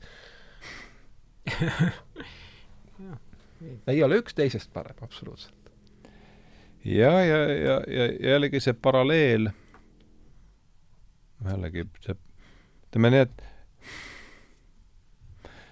jah, no mul on, kui vaadata oma biograafias kolm sellist noh, põhjapanevat geopoliitilist sünd, sündmust üle elatud, et kaheksakümmend üheksa, kui ma sõitsin, sina sõitsid äh, kaheksakümmend kuus rongiga, ma saan aru. mina sõitsin kaheksakümmend kuus äh, või noh, kaheksakümmend üheksa bussiga Tallinnast Rakvere ja kuulsin, siis seisti ju veel bussis seal vahekäigus äh, kuulsin bussiraadiost, et Berliini müür on kokku mm., kokku varisenud. et teine, kaks tuhat üks oli, toimus ul-, uljemat sorti husaaritsemine äh, juba hommikul vara seal ma ei tea, kui uljas see parajasti oli, aga mingi mm, äh, Mustas lammas oli niisugune puhvet, kas sa mäletad, Sauna tänaval ei mäleta. aa, oli jah? Sauna tänaval, see Kaukaasia restoran. jaa, oli, oli muidugi. ja seal helistati ja öeldi, et lennukid sõitsid kaksiktoolidesse sisse. ja kolmas on ikkagi see kaksteist äh, minu jaoks, ma paneks selle sinnasamasse kaksteist märts, kui tuli see hommikul, ma vaatan, Kaie veel vaatas seda hommikul, lõi need nudi, vidinad sisse ja Trump on pannud Euroopa Liidu riikidele sissesõidu keelu, et noh, siis oli nagu fuh, et see kõik, mis oli seal niimoodi äh, kuidagi hõõgunud seal, et see oli nagu, et no, nüüd on selge, et maailm on teine. maailm on äh, täiesti teistsugune ja, või noh, täiesti teistsugune. eks ta on kogu aeg mingis mõttes ühesugune, aga need mingi, no sellest räägiti ju ka, see oli üks standardfraas ja pärast seda äh, kaksiktornide kokkuvarisemist, et me elame teistsuguse, täiesti teistsuguses nagu, maailmas. tänapäeva noorus on juba Sokratese ajast hukas, eks. nojah hmm.. aga no, no ja ta on siiani hukas. no meie ka. Noh, ma, ma kuidagi olen siin selle vestluse jooksul ka proovinud sellest koroona teemast nagu kõrvale nihverdada, sest noh, mulle tundub, et me kuidagi räägime mineviku formaadis tulevikus aset leidvatest sündmustest ah,. see on ka parim, milles mm, -hmm. noh, mis me seda üldse vist oma tunnetuse piires teha saame, noh, ots-, otsida mustreid. mulle, mulle, pean just tagurpidi silmas, eks ju, et, et me just nagu, et noh, see koroonakriis on läbi, et noh, ei ole ju no ei, meie siin, meil siin Eestis on meil on siin see, et me siin täna stuudios kokku saame, see on noh, ütleme aga jah, mul oli praegu just oli kriis on ikkagi üldisem, ma arvan. see on minu järjest kestev veendumus, et see koroonakriis oli lihtsalt seal üks niisugune väike sümptom, et see kriis on ja sellega viidi, kui mul on õigus, mis muidugi ei pruugi üldse nii olla et seesama ka koroonakriis viis elanikkonna üle maailma ioniseeritud seisundisse, et, ähm, et see on, ma arvan, niisugune oluline veelahe selles suhtes ja see noh, see tuli läbi Trump, minu jaoks tuli läbi selle Trumpi, Trumpi tole, et noh, see oli see, ütleme, embleemsündmus selles asjas minu jaoks. ma ei tea, mis sobib. hea meelega kuuleks teie. on haakuda sellega väga-väga raske on mitte nõustuda, et mm., et sa teed nagu sellise metafoorse, eks ju, otsuse ja noh, mis on muidugi, mis on muidugi väga kahetsusväärne, on see, et, et, et jah, sissesõidukeeld Euroopa kodanikele, aga äh, täna vist ikkagi nakatumistega Ameerikas on kehvemini, eks. ja ameeriklased räägivad, et nei-, et, et täna on ju keeld on tagurpidi, eks ju, samuti siis ameeriklased räägivad, et ei, et aga meid ükski mõtteline joon ju küll ei peata, et me siin lähme kuhu tahame. mis tekitab küsimuse, et kuidas see nüüd selle et noh, see, millise kiirusega see kõik toimus, ikka, väga muljetavaldav. kindlasti, et see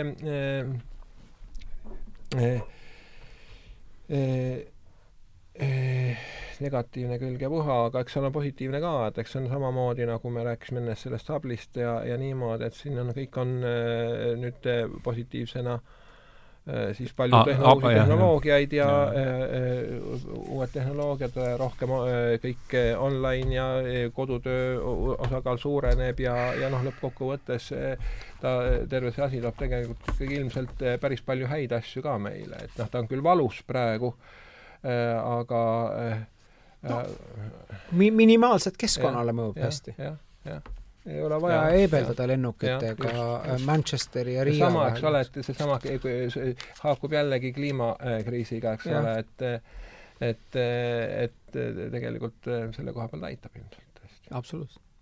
ja noh, teine asi, üks asi, kliimakriis nominaalses mõttes, aga teine asi on just see, et, et kuidas me saame hakkama äh, ma olen siin vaielnud ka, eks ju, liberaalse niisuguse nagu establishment'iga, eks ju, et, et, et noh, kelle minu, minu nagu lause, et peaks ikka ise tootma küüslauku, kuigi ta on kallim kui Hispaaniast toodud, on noh, täiesti aktsepteerimatu liberaalidele. sest noh, ma ütleks jällegi, et noh, et, et antud juhul ähm, liberaalne, tegelikult on ta täiesti aktsepteeritav, sellepärast et äh, tehingukulu suletud piiri näol muutus mak-, lõpmatuks mm. -hmm. ja ongi ainus variant, et teha ikkagi ise ka midagi mm. -hmm. jah, mingit pidi see ter-, terve see koroona on ka nagu, näitab meile selle tegelikult eh, lääne demokraatia nõrkust, et et selleks, et riigi, eh, võimul püsida, sa pead olema populaarne, su otsused peavad olema sellised, noh, mida rahvas heaks kiidab. keelame ära, keelame sissetuleku ära, keelame, keelame eh, välistööjõu ära, kasutame seda nagu võimalust seda teha ja, ja eh, noh, ühesõnaga tegelikult kui sa, kui eh, sa võtad otsust vastu, sa ei mõtle sellele, et kui palju sellest kasu on, ütleme, kui palju eh, eh, majandusele või inimestele, vaid sellele, et kuidas su reiting muutub sellest.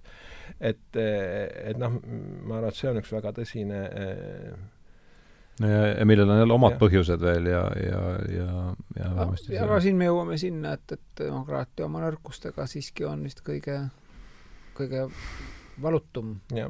viis või noh, kõige parem, mis on välja mõeldud? vist küll, jah. raske öelda jah, kui no nii-öelda see eh, eh, targad monarhid ilmselt suudaksid paremini seda teha, aga kus me saame neid? ja kus me garanteerime, nad kogu aeg jäävad? noh, Venemaal me näeme seda tarka mon-, monarhi. ja kui sa va vaadata seda Platoni, Platoni ajalookaart, et kuidas demokraatiale kipub diktatuuri et see on ebastabiilne, ükskõik mis ta on, kõik süsteemid on ebastabiilsed. demokraatia on ebastabiilne, eks ole, ja, ja diktatuur on ebastabiilne. ja täpselt, ei ole ja. siin, ei ole veel stabiilset head riigisüsteemi välja mõeldud. sellega oleme vist küll kõik, kõik nõus.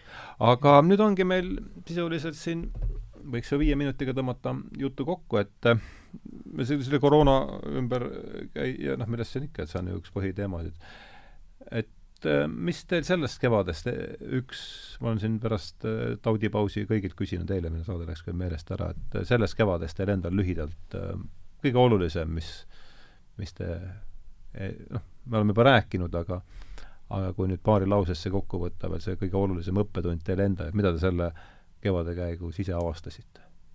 hakkame Jaanis pihta noh, ma ise olin suurel määral see, terve selle koroona modelleerimise nende asjade sees, nii et noh, see oli kindlasti, eh, kindlasti eh, üks niisugune eh, oluline asi, et et ma ütleksin võib-olla ühe märksõna jah, et tegelikult eh, eh, andmeteadus, et tegelikult kahekümne esimene sajand on andmeteaduse sajand ja eh, seda peaks rohkem riigi tasemel arvesse võtma, et et, et seda rohkem rahastada, seda rohkem arendada, et seda ei ole veel piisavalt teadvustatud mm. -hmm. andmeteaduse andmeteaduse eh, sajand, noh, osa, osa, tasapisi hakkab see jõudma inimesteni. andmeteadus muutub järjest populaarsemaks ka ülikoolides äh,, aga äh, noh, ühesõnaga need, kes seda õigel ajal sellest aru ei saa, need on kaotajad. -hmm. see oli nüüd küll päris pirakas kommentaar, et mul võib-olla, mul oli selles mõttes äh, päris palju sai mõeldud mm. ja äh, veel kord mõeldud äh, ja midagi ka kirjutatud ja veel kord kirjutatud, aga mulle, mulle ikkagi järjest rohkem kinnistus see mõt-, üks mõte, mida siis on, et üks mõte kinnistus, et, et ikkagi me peame, üldiselt võiks, võiks hoolida nendest asjadest, mis on, mis on head, sest üldiselt meid ümbritsev keskkond ja, ja sotsiaalmajanduslik või, või siis füüsiline keskkond on ikka suht habras. et minu arust see, see nagu sai küll selgeks, et noh, et ükskõik kui hea ei ole loodud mudel, sellise kriisi läbi üleöö seal mingites sektorites, mingites ettevõttes käive kukkus nulli ja et noh, see, see kõik on väga habras. jah, kui vähe on enesestmõistetavaid asju. jah, just. see et, on minu jaoks ka selgelt nagu, üks ja et, et sul ongi, sul ongi kuu aega oled kodus ja see on uus normaalsus, eks ju. et äh, jah, just kui vähe on enesestmõistetavaid asju ja kui habras on tegelikult toimiv selline ühiskonnakord. ja kui paljud asjad ikkagi veel toimisid hoolimata sellele, et äh, ja ja, ja siin oli positiivseid asju ka, et Eesti vist oli üks väheseid riike, kus tegelikult äh, põhimõtteliselt oleks saanud korraldada valimisi ja, ja toimis, eks ju, kogu riiklik infrastruktuur, sest meil on digiallkirjad. meil, meil, meil tegelikult äh, niisuguseid näiteid rohkem ei olnud, ma ei tea, kui palju valimisi ära jäi maailmas või Euroopas või lükati edasi, aga, aga noh, meil oleks saanud teha nojah, ja siin on ega no ei ole vaja ulmekirjanikelt aru saada, et kui enne valimisi noh, võib koroona see